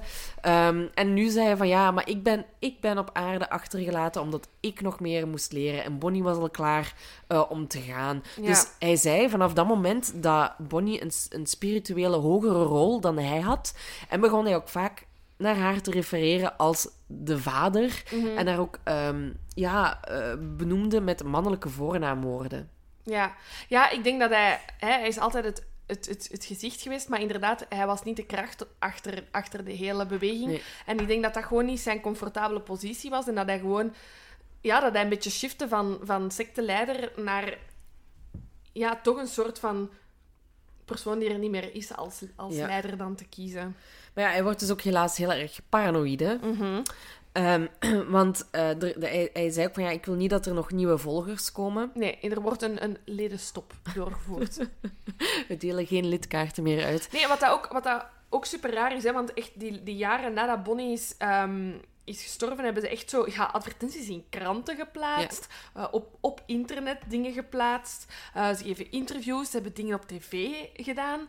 Dus er was wel eerst even heel intensief toch een soort van ledenwerving en dan Ja. ineens was het the last call. Ja, want eh, Marshall ging er ook gewoon echt van uit dat dat infiltranten waren als er nieuwe leden zouden komen van de regering, die, en, die het allemaal zouden willen stoppen en zo. Mhm. Dus hij was echt bang dat de politie zou binnenvallen. En het was dan ook eigenlijk pas dat hij begon over de apocalyps. Ja, Dus hij zegt van ja, en dat is een- het idee van de aarde moet gerecycleerd worden of gereboot worden, want de aarde was een overwoekerde tuin geworden. ja. Ehm, en de mensheid had gefaald als experiment. En het bewustzijn kon... Ja, zij konden overleven doordat hun bewustzijn op een gegeven moment verplaatst Ja. zou worden Ja, naar de next level. ja, inderdaad. Als ik het goed Ja, ja het is, dat, is, dat is gewoon inderdaad het ding. Is, er, er was, eerst was er lang sprake over hè, op onze planeet. Wij zijn hier toevallig uitverkorenen. Ja. eh, maar de mensen rond ons, ja, die weten niet beter. En dan werden die mensen rond hen wel slecht. En dan ging dat van slecht naar, die willen ons dood en we moeten echt moven. We moeten echt naar de next level, want het begint hier gevaarlijk te worden. Dus het wordt ook, ook, het wordt ook stiller rond de groep, hè? In ja, de jaren is echt- 80. ja, een paar jaren dat, dat er zelfs niks, eh, niks te horen valt. Ja, eh, mensen waren er gewoon ook van overtuigd dat dat niet meer bestond, hè? Ja, inderdaad. Dus zo, zo stil was het wel geworden. ja. Maar dan, in 1988, eh, verschijnt er, allee, versturen ze opeens een document naar eh, verschillende New Age-organisaties over hun geschiedenis en eh, tips voor boeken over het christendom en, en UFO's. En, maar ja, dat, dat is het dan weer. ja, ja. Dan valt het Ja, ze zijn zo weer even op die UFO-vibe gesprongen. En dan laten ze dat toch weer los. En dan in 92 komen ze weer boven water met een, eh een twaalfdelige video. Een soort van update over waar dat ze nu in geloven. Eh, en een soort van, ja, die up- dat is ook een update van de brief die ze hadden verstuurd in 88. Ja, Ehm, dus ja, ze, ze willen wel nog laten blijken dat ze er zijn. Hè? ja. Ehm, maar het, het ledenaantal slinkt zien de ogen. ja, Eh, waar dat we net nog spraken van 80 leden, zijn ze nu nog maar met 26. ja, Dus Marshall zegt, er moet iets gebeuren. ja. Hij zegt van, ja, ik ga heel veel geld besteden aan een advertentie in de USA Today. Ja, Die hebben daar 30.000 dollar Ja. aan besteed, aan een volledige pagina, ja, waarin hij verkondigde dat de aarde eh veroordeeld zal worden in 1993. En toen zijn ze met een nieuwe naam gekomen, Total Overcomers Anonymous. En dat leverde 20 nieuwe leden op. ja, 20. 30.000. Dus dat Dus is per lid. Ja. Is veel geld. Veel geld. Maar ja, blijkbaar hadden ze geld genoeg, hè. Ja, dat weet ik dus niet. Ik vind dat, dat is echt een van mijn grootste vragen. Ik voor- weet ook niet, inderdaad niet hoeveel dat ze gekregen hebben. Van waar komt al dat geld? Maar zij werkten ook wel nog steeds, hè? want je had al die mensen die met computers bezig ja, waren. die deden... Ze hadden een eigen website. Of, ja, Ja, ze bouwden websites. ze hè. bouwden websites ook voor andere mensen. En ik denk dat ze daar ook geld uit eh, konden halen. genereerden. Ja. Ja, oké. Eh, en dan in 1994 was er nog een lezing. En dan was de, het, aantal, het, het ehm, ledenaantal ook weer verdubbeld. En was het leven ook minder strikt Mhm. Ja. geworden. Dus ja, ze mochten, ze mochten toch hun familie nog zien. Ja. Ja, ja ze, ze hadden jobs eh erbuiten. Eh, de omgang was gewoon ja, wel wat losser. ja, inderdaad, klopt. Dus dat is wel... Ja, het is een rare shift eigenlijk. Want ja, eerst zegt hij van, ik wil geen leden meer. En dan... Maar dat is omdat... Ik denk... Omdat, ja, er, er waren nog maar een twintigtal leden over. Dat je dacht van, ja... Als ik wil dat er nog iets gaat gebeuren, dan moeten er wel echt meer leden komen. Want als er nu nog iets misgaat en iedereen verlaat de groep, Ja. of iedereen zegt van, ja, oké, nu is het genoeg geweest, Ja, dan zit ik dan is het alleen. gedaan. Dan, dan ben ik hier alleen nog, ja. Dus dat is misschien toch de aanleiding geweest om die advertentie te, te maken. Ja. Ja. Ehm, maar dan ja, voeren ze toch een soort... eh, Want ik sprak er daar straks al van, maar dan komt de term last call. Ja. Ehm, eh, wordt, die eh, wo- allee, wordt die gegenereerd ehm, mede om... eh, ik weet niet, zet je, we zijn in 1994, hè? Ja, zo ongeveer. Ja, inderdaad. Ah ja, ja, oké. Ehm, want dan verschijnt er op het internet en in de media een astrologisch nieuwsfeit, wat dat realiteit is. Namelijk dat er een komeet de aarde gaat passeren. Ah ja, ik was nog een beetje... Oké, maar nee, het is, het is oké, doe maar. Oké. Doe maar. Ehm, hè, dus dat is eh, gewoon astrologisch nieuws, eh, zoals elke dag. En die komeet heel Bob, ehm, die, die draait toertjes rond de aarde. En het is 2000 jaar geleden dat die bij ons is gepasseerd. Ehm, Mag ik iets zeggen over Komeet Heel Bob? ja, tuurlijk. Ik was daar super bang van. Jij weet dat. Ja, ja, ik weet dat. Ik was, eh, dat was, ja, wat was het, 95, 96 of zo? Ik weet het niet. Ja. Ehm, ik, ehm, omdat mijn papa daar mij op wees. Ik weet nog dat, dat hij mij uit de auto pakte. Ja. Ja. Zo s'avonds laat. En zo, kijk, kijk, kijk, daar is Komeet Bob. En ik was super bang. En ik heb nu dus ook pas geleerd dat Bob niet B-O-B is, maar B-O-P-P. Ja. Dus ik dacht dat Komeet Bob een soort van... Ja, toch een perso- personificatie was of zo van het slechte. En ik heb... eh, ik, was vijf of whatever. Ja, dus of je werd vijf en je zat bij een Ik, nieuwe- maar ja, ik was dit nu aan het lezen en ik dacht, ik was mee in dat verhaal geweest. En, Oké, maar als vijfjarige is u dat wel vergeven. Ah, wel, gelukkig. Al goed, ik, dat als vijfjarige mocht toetreden tot de Heaven's Gate. Maar ik weet ook nog dat ik een nachtmerrie heb gehad en dat Comet Bob in zijn geheel voor mijn raam aan het zweven was. Om mij Hoe zag die er dan uit? Ja, een soort van maanachtig ehm, maanachtige vlakte. Ja, zo met kraters Ja. in en zo. Het was... eh, nee, ik was echt panisch bang van eh Comet Bob. Eh, echt niet... Dus ik denk... Allee, als we zien waar het zelfs weer naartoe gaat, ehm, dat ik op dat moment wel echt heel erg in aliens Geloofde. geloofde. Ja, dus het is waarschijnlijk de meest geobserveerde komeet van de 20e eeuw. Voilà, hier hebben we bewijsstuk nummer 1. en het is een van de helderste kometen die ons gepasseerd is de afgelopen decennia. De komeet is ehm, een hele lange tijd, 18 maanden, met het blote oog zichtbaar Ja. geweest. Zie, en ik maar bang zijn. En dat is, dat, is, dat is zeker twee keer zo lang dan de vorige recordhouder van die, eh, van die ehm, komeet. En de baan van die komeet is eh, 2380 jaar. Dus niemand gaat dat een tweede keer zien. Hè. Dus ehm, op 23 juli 1995 is die ontdekt op een afstand van de zon. Wat deed eh, vermoeden dat de komeet wel eens heel helder zou kunnen zijn op het moment dat hij ons zou passeren. En dat is effectief gebeurd, Ja. waardoor dat hij zichtbaar was met het eh, bloot, blote oog. En de, ehm, de komeet is eh, genoemd naar de twee ontdekkers, amai, zeg, Ehm, Alan Hale en Thomas Bob. Ja. en dus niet B.O.B. Nee, en hij keert terug voor de geïnteresseerden in 4377. Ik hou je hand vast als, je- als we er dan nog zijn. dat is goed. Ehm, nu, in de tussentijd, dus, eh, dus ze komen dat te weten dat die komeet er is. Ehm, en ze zijn ondertussen verhuisd naar een, een, een mansion in Santa Fe. Ja, ho, een mansion. Dat kan ik nooit van mijn leven betalen. Dat is gewoon echt... Die foto's daarvan gezien, dat is echt... Dat is Ja. het huis van de Kardashians, hè. Zo Dat is groot. 850 vierkante meter groot. En ze betalen 7000 dollar per maand. Maar ja, ze zijn ook wel met, eh, met een veertigtal mensen Ja, maar dat ondertussen. maakt me niet uit. Ik kan dat niet betalen. Ehm, en wat ik ook eh, heel grappig vond, ehm, is dat ze allemaal een verzekering hebben genomen voor alien abduction. Dat Ehm, bestond. Dat bestond blijkbaar, uiteraard. In Amerika bestaat Ja. volgens mij tegen alles een verzekering. En dan zou er, mocht dat gebeuren, zouden ze 1 miljoen per persoon uitbetaald worden. En de verzekering dekte of ontvoering, of zwanger worden, of dood door aliens, of alles, uiteraard. En dan zou je familie of jij 1 miljoen eh, Oh my euro god, krijgen. echt. Verzekeraars, ik haat ze en nu bewonder ik ze. Ja, en Zalig. wat ook nog eh, opmerkelijk is over Comet Bob, is dat Marshall dus dacht dat Bonnie zich in een ruimteschip bevond dat achter de komeet Ja, ja, ja. aankwam. ja, ja want dus ze, inderdaad, ze, ze hebben weet van die komeet Bob, maar ze hebben zoiets van, ja, ik ga niet op die komeet kruipen. Hè. Nee, er heeft zich een Ja. soort van ruimteschip ehm, in diezelfde bewegingsbaan van komeet Bob eh, geplaatst. En eh, daar is Bonnie in en die komt ons halen. Zalig. Zie maar, als ik al dacht dat er aliens waren bij Ja, Comet maar je Bob... waart vijf! Ik weet het. Nu, ik heb ook wel echt een heel levendige eh, herinnering als kind. Ook iets astrologisch, heel stom. Maar Ja. een, een, ehm, een, dat was een totale zonsverduistering. En mijn mama is toen echt naar school gereden, tijdens de middagpauze, om met mij daar naar te kijken. Met zo'n brilletje. Oh, lief. Goed, hè? Lief van Ja, echt Hey, goed. Sabine. Hey, Sabine. Ehm, goed, Sabine, we gaan weer verder. Ehm, Eh, wij moeten even op het ruimteschip naar Bobby.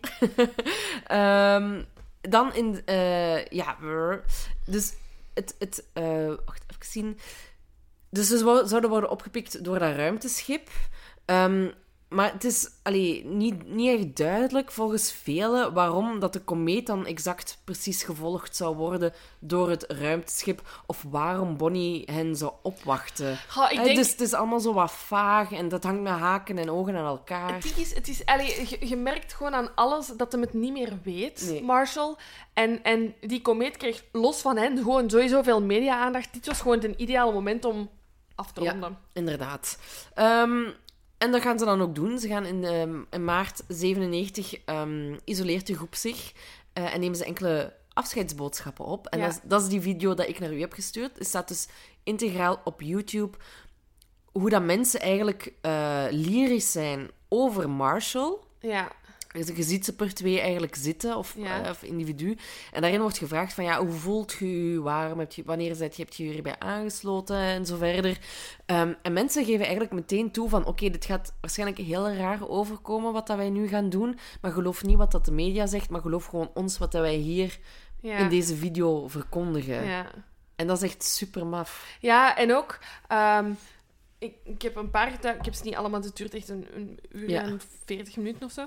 Ehm, ik heb er een paar gekeken en, en, en mensen die echt oprecht zeggen van... Kijk, ik heb Marshall ontmoet en ik wist onmiddellijk dat hij niet van deze planeet kwam.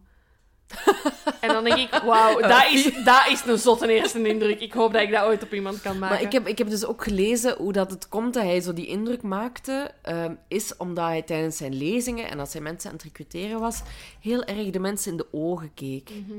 En daardoor meteen zo'n indruk kon achterlaten. Want meestal als we babbelen met elkaar, ja, we kijken een beetje rond. We kijken wel af en toe eens in Mhm. elkaars ogen. Maar hij was heel indringend. Maar hij was heel indringend. En ik denk dat dat er iets mee Ja. te maken heeft.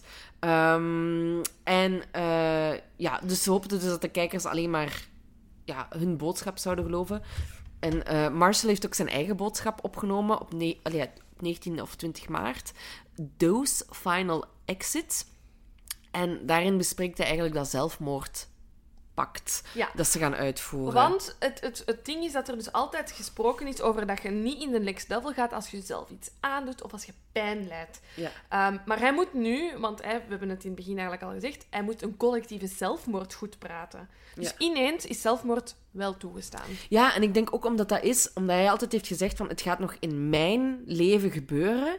Ja, Marshall is ondertussen al niet meer van de jongste. Nee. Dus hij moet ook weer iets ondernemen. En ik denk dat hij in al zijn eh, illusies eh, gaan, gaan bedenken is van oké, dan moeten we allemaal samen zelfmoord plegen, want voor hen is het geen zelfmoord. Nee, dit is gewoon het verlaten van een... Ja. dus uit een auto stappen voor hem. Inderdaad, en naar een, en naar een andere auto overstappen, om het Ja. zo even eh, uit te leggen. Ja. Ehm, en hij zegt van ja, de enige manier, dit is de enige manier waarop er van de aarde geëvacueerd kan worden, omdat hij dus gerecycled gaat worden Mhm. en gereboot moet worden.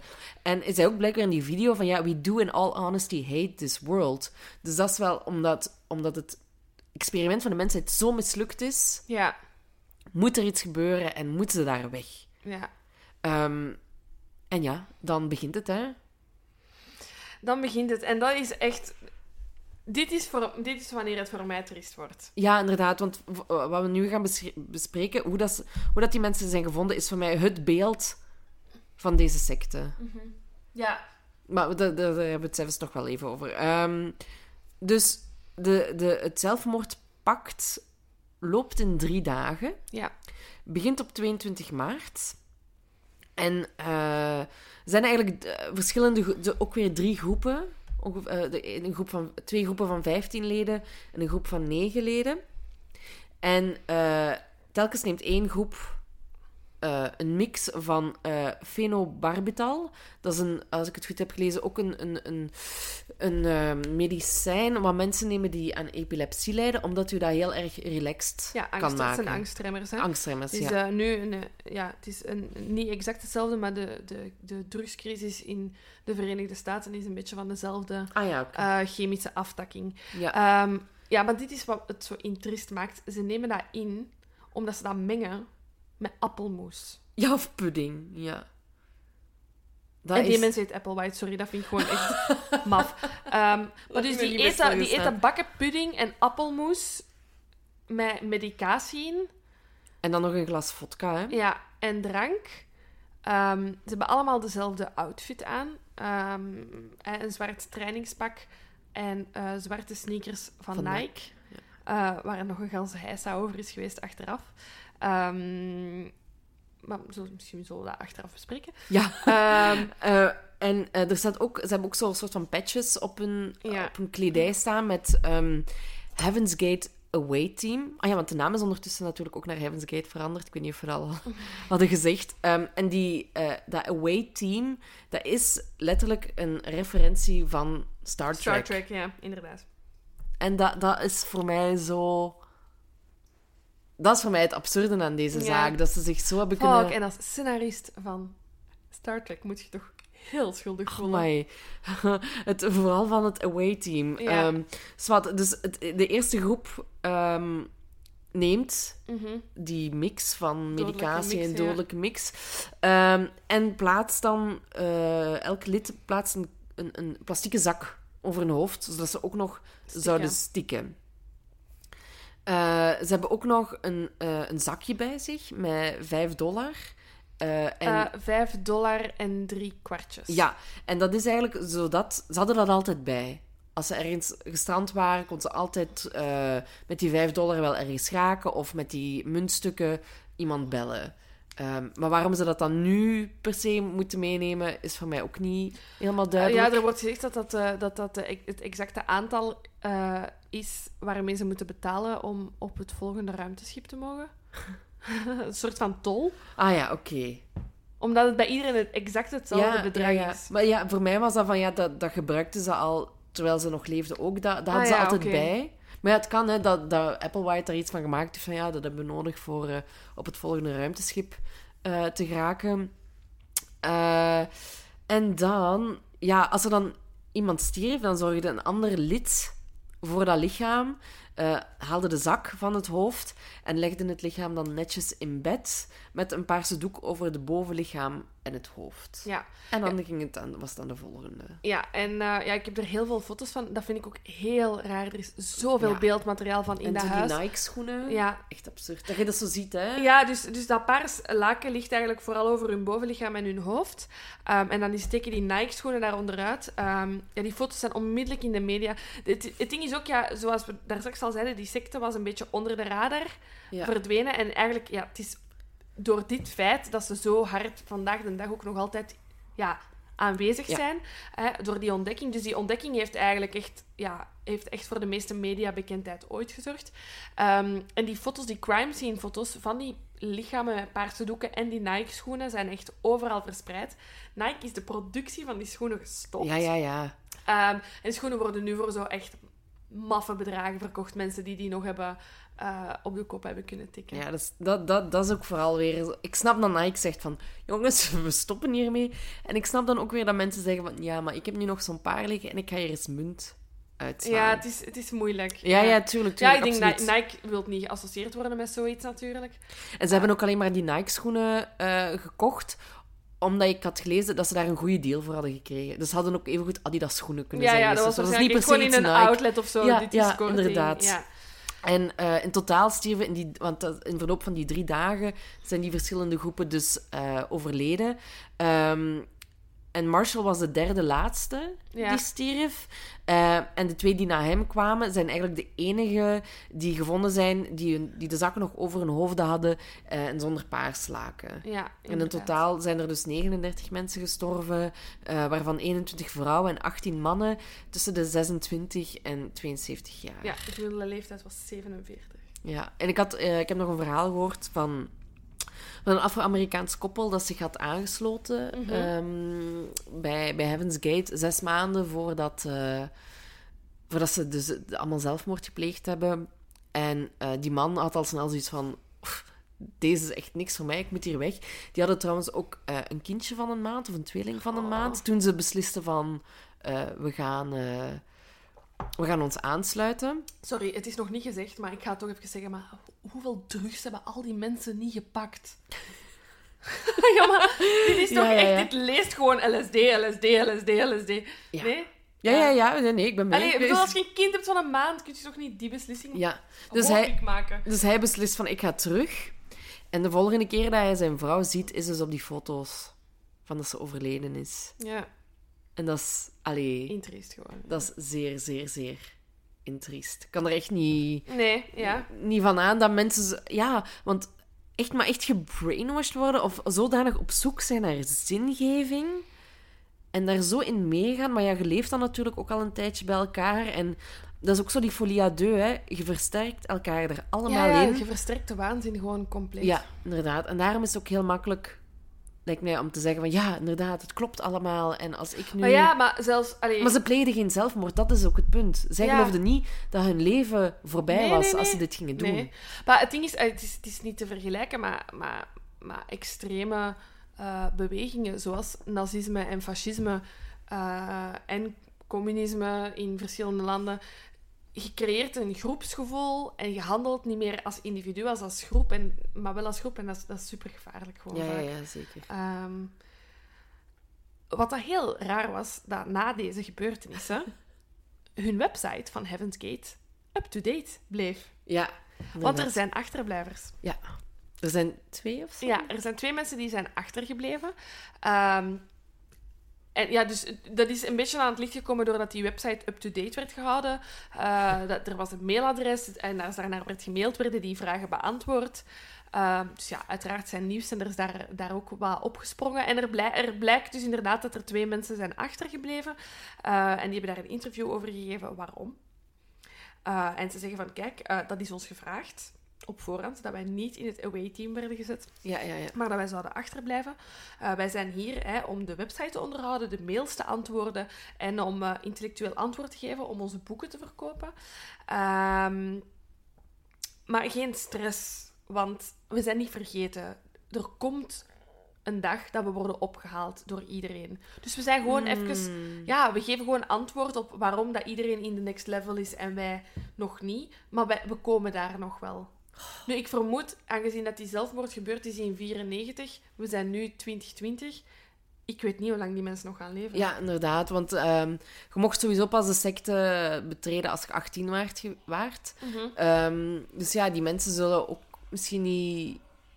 Allee, als je ziet, ze waren allemaal tussen 26 en 72 jaar. Gemiddelde leeftijd was 47. Dat dat, dat nu binnen, ja, binnen nu en 10 en 20 jaar misschien wel zal zijn dat ze sterven. Ja. En dan hoop ik voor hen dat ze inderdaad in de next level komen. Ik want- hoop echt dat er een next level is. ja, maar ik, ik wil het nog even hebben over eh, hoe dat ze ontdekt zijn, de lichamen. Oh ja, ja.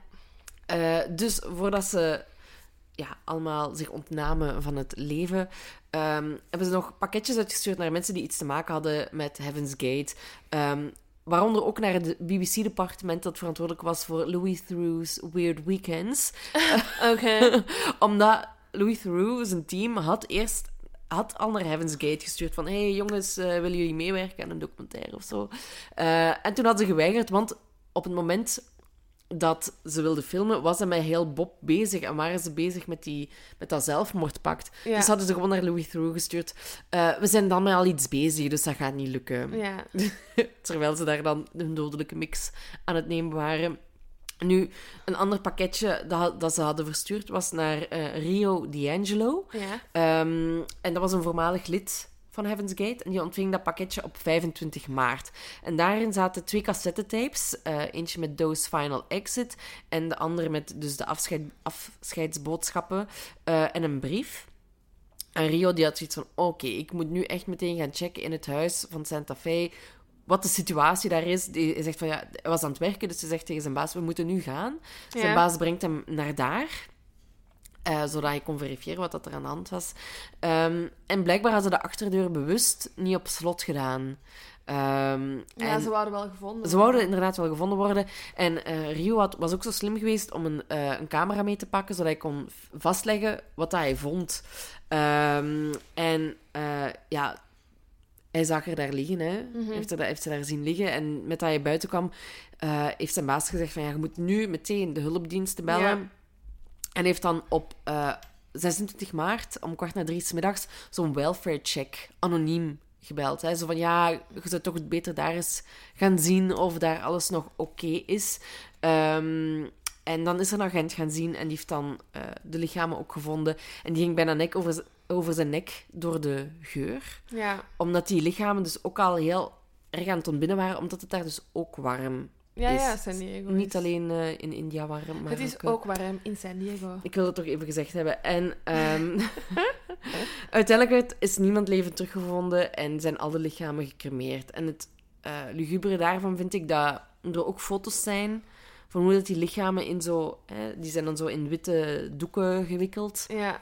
Hoe dat die zo in, in wagens werden gelegd en zo. En, Ja.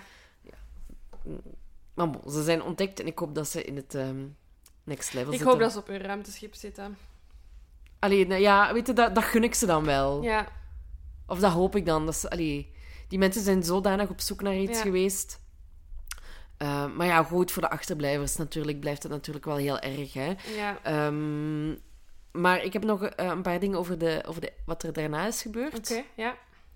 Uh, er is een, uh, er zijn nog drie andere leden ook gestorven. Mm -hmm. Die, uh, ja, die ook zoiets hadden van ja, wij willen er ook, wij willen ook mee op het ruimteschip. Ik wil ook op de bus.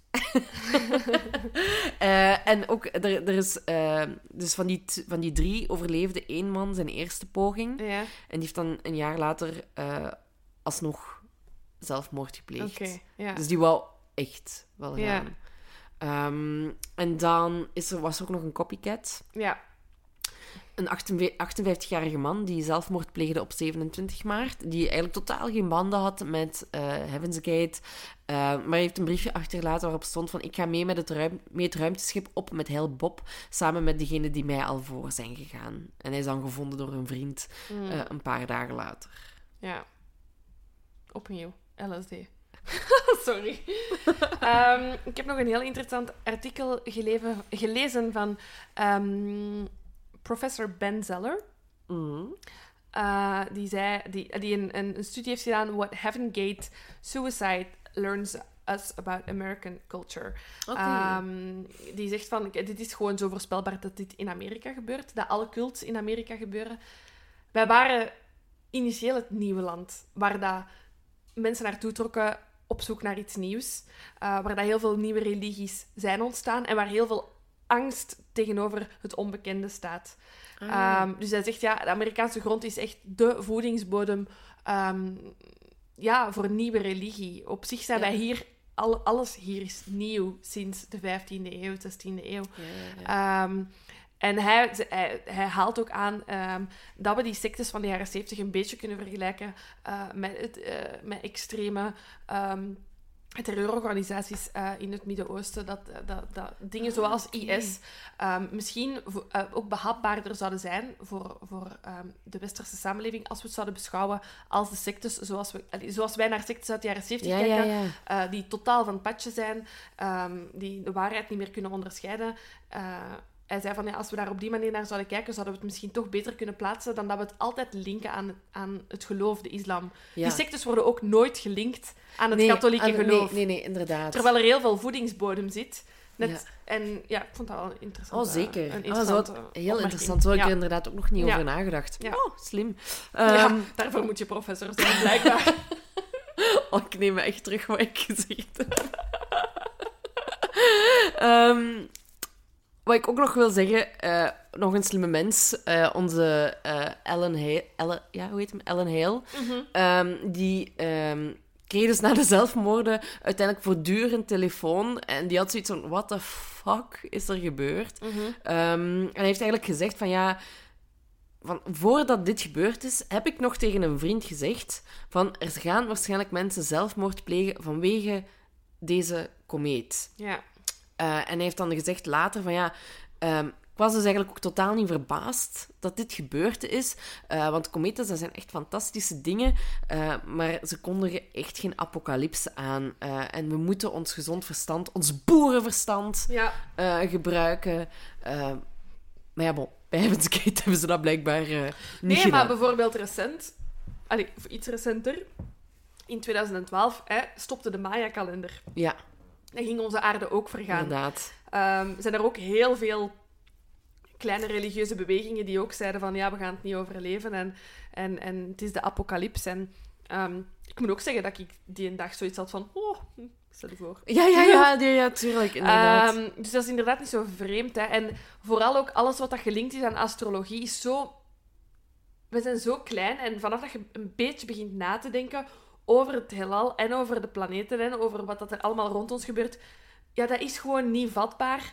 Dus dat zorgt sowieso inderdaad voor angst. Ja, we hebben het er ook al over gehad in de Diatlov-pas, hè, van... Ja, Eh, waar, waarom denken wij dat wij de enige zijn in dit hele universum? We Mhm. weten nog maar amper Mhm. wat dat er gaande is buiten onze planeet. Mhm. Ehm, dus waarom zouden wij zo, ja, hoe zeg je dat, hoogmoedig ja. durven te stellen dat er geen ander leven is in de ruimte? Mhm. Of dat dit soort dingen niet zouden kunnen gebeuren? Ja. Nu, bij deze secte zie je wel dat het echt doordrongen is door eh, sci- eh, science fiction en eh, Star Trek en, en dat soort dingen allemaal. Maar ja, we- ja het kan, hè? Ik bedoel... ja, ja, het kan. Het kan. Ehm, nee, ja, dus ehm, ik heb nog een paar fun facts. Ja. Ik heb nog gezien dat de avond voordat ze zelfmoord zijn gaan plegen, ehm, de, de groep eigenlijk nog naar een restaurant is geweest en daar allemaal hetzelfde Ja. laatste avondmaal eh, hebben gegeten, waaronder eh, een slaatje, Uh-huh. kalkoen eh, en als dessert cheesecake en een iced tea. Oh, so American. Zo American, Ik dacht echt zo, dat of McDonald's. Nee, maar Dat het is- waren de twee ik vind het eigenlijk nog steeds een beetje een basic... ehm, een simpel laatste avondmaal. Ja. Maar ja, bon. Hè? ja, het zou niet mijn keuze Wat zou uw laatste avondmaal zijn? Stel, ergens uit op Dead Row. Maar ik ga echt... De vegans gaan niet blij zijn, of de vegetariërs, maar ik denk spare ribs. Ja. Ja, amai. En heel specifiek van een restaurant? Ja, ja, van, ja. eh, bij, bij, van bij mijn ouders in de buurt, eh, van de strobander. ja. Die Ja, maar bij mij is het ook heel Die specifiek. zijn dus echt-. Die zijn echt de beste. De beste. De beste. Ja, ik Echt vind een de- spaghetti bolognese van Peklak. Van Peklak. Waar ligt Peklak? Ah, in Brussel. Brussel. Ik ben nog niet geweest. Ja. Eh, de strobander ligt in eh Kuringen. Voilà, ik heb het gezegd. Ja. Gaat daar Maar ik zou ook wel echt zo vol met voorgerecht en dessert en zo. Hè? Oh ja, sowieso. Mm, ik denk dan blanche. Oeh, mm, ja, ik Of- vind een crème brûlée, denk ik. Oh nee, nee, nee. Ik denk wel echt iets met chocola.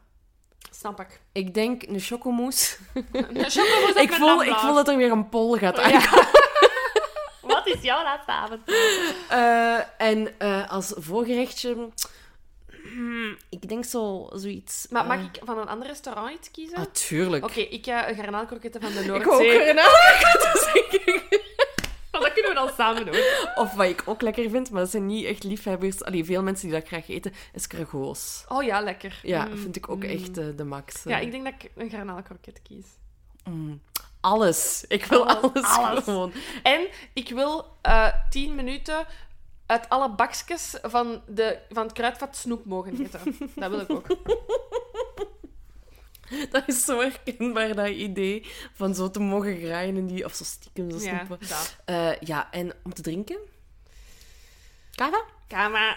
Ja, kava misschien. Ja, of champagne of zo. Ja. Ja, inderdaad. Maar ja... En ook wel zo'n goede koude cola light. Oh. Maar ik check mijn saai zijn. Ehm, nee, maar ik dacht ook als, als zo ehm, om te drinken. Ja, ik, ik drink gewoon te koer niet zo heel veel. Ik, ik, ik drink niet bij mijn eten of zo. Dat is iets wat mijn ouders bijvoorbeeld wel doen. Ja. Maar ik doe dat niet. Ik drink graag. Allee, ik vind het prima om water bij mijn eten te drinken, maar zo'n goede cola light. Ja, de goede cola Sorry, dat vind ik ook prima. Of een Ja, iced tea. Ja, Ik ben content hoor. ja zo'n een refill dat je zo mocht zeggen. Ik wil nog, ik wil nog. Inderdaad. En dan mijn volle blaas. eh, En dan mijn volle blaas ophangen. ja, of, of inderdaad. Ja. Dat zal een schoon zicht zijn. Ja.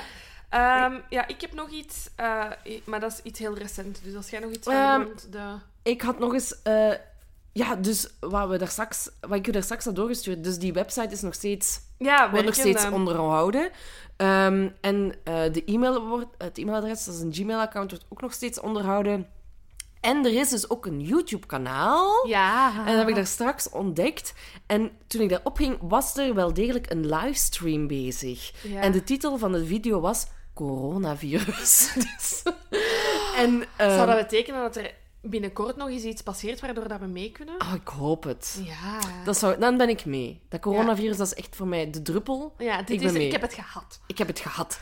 Ehm, en ja, je ziet daarop een man die ook nu wel in de openbaarheid is getreden, zo wat bezig met kleren en vragen beantwoorden. Je kunt naast die livestream, is er dus ook een soort van chatvenster, waar dat je vragen in kunt stellen. En die hij dan beantwoordt. Dus nu ging het over het coronavirus. eh, maar bij mij bleef het haperen, dus ik heb het niet helemaal kunnen zien. Maar we zullen de link ook online zetten Ja. van de video. eh, of van het YouTube-kanaal. eh, want daar is ook een... ehm, ja, het is prachtig wat daar allemaal op te vinden is. Hij heeft een 16 minuut durende video gemaakt, waarin dat hij, echt al een paar jaar geleden, ehm, saxofoon, dwarsfluit, de, de bonga, de dingen, dingen Ja, het verhaal mondharmonica. vertelt. Van... En hij heeft echt een, ja, toch een tof nummer gemaakt van 16 minuten lang met lyrics over. Ja, het is echt zo'n troubadour, hè? Iemand die ja, met Inderdaad. muziek vertelt. En hij verkondigt het ook echt. En er is blijkbaar ook een WordPress eh, dat hij onderhoudt. Je ziet, het, ze zijn wel echt up-to-date. Ja, Hebben ze Instagram? Ik weet het niet. dat weet ik Moet niet. ik Misschien moeten checken. vragen. Ehm eens kijken. ehm, wat ook nog eh, een, een apart weetje is. Dus eh, Star Trek is al ter sprake gekomen. De broer van de actrice Nichelle Nichols, die in de originele Star Trek. serie Lieutenant Uhura speelt. De broer daarvan, Thomas, was een van de volgers van van Heaven's Gate. Heaven's Gate. En heeft ook daadwerkelijk zelfmoord eh, gepleegd. Ehm, toen hij, acht, allee, hij, hij was 58 jaar op het moment Ja. van de zelfmoord. En hij zat blijkbaar al 20 jaar eh, bij die groep. Oké. Maar hij heeft niet zelfmoord gepleegd met de groep, of wel? Jawel, jawel, Ah, jawel, ja, ja, ja, ja, in ja, inderdaad. In het huis, hij was erbij. Ehm, en ehm Michelle, hè, dus de actrice, zegt daarover van ja, mijn, mijn broer was echt een, een intelligente, slimme man. Hij was eh, een mooie man, hij was lief, hij was aardig, gewoon een degelijke man. Ehm, en ja, hij heeft zijn keuzes gemaakt en we respecteren die. Want hij heeft dus ook ja, zijn banden allee, alle banden verbroken met zijn familie en zo. Maar dan ook zot, want allee, dat is toch echt heel dichtbij dan die Star Trek franchise. En daar hebben ze dan zoveel fascinatie voor dat ze dat niet hebben uitgebuit of zo op een of andere manier. Ja, dus... eh, Ja, maar ik denk ook dat Apple White wel ergens besefte van... Oké, ze spreken tot mij, de aliens, door...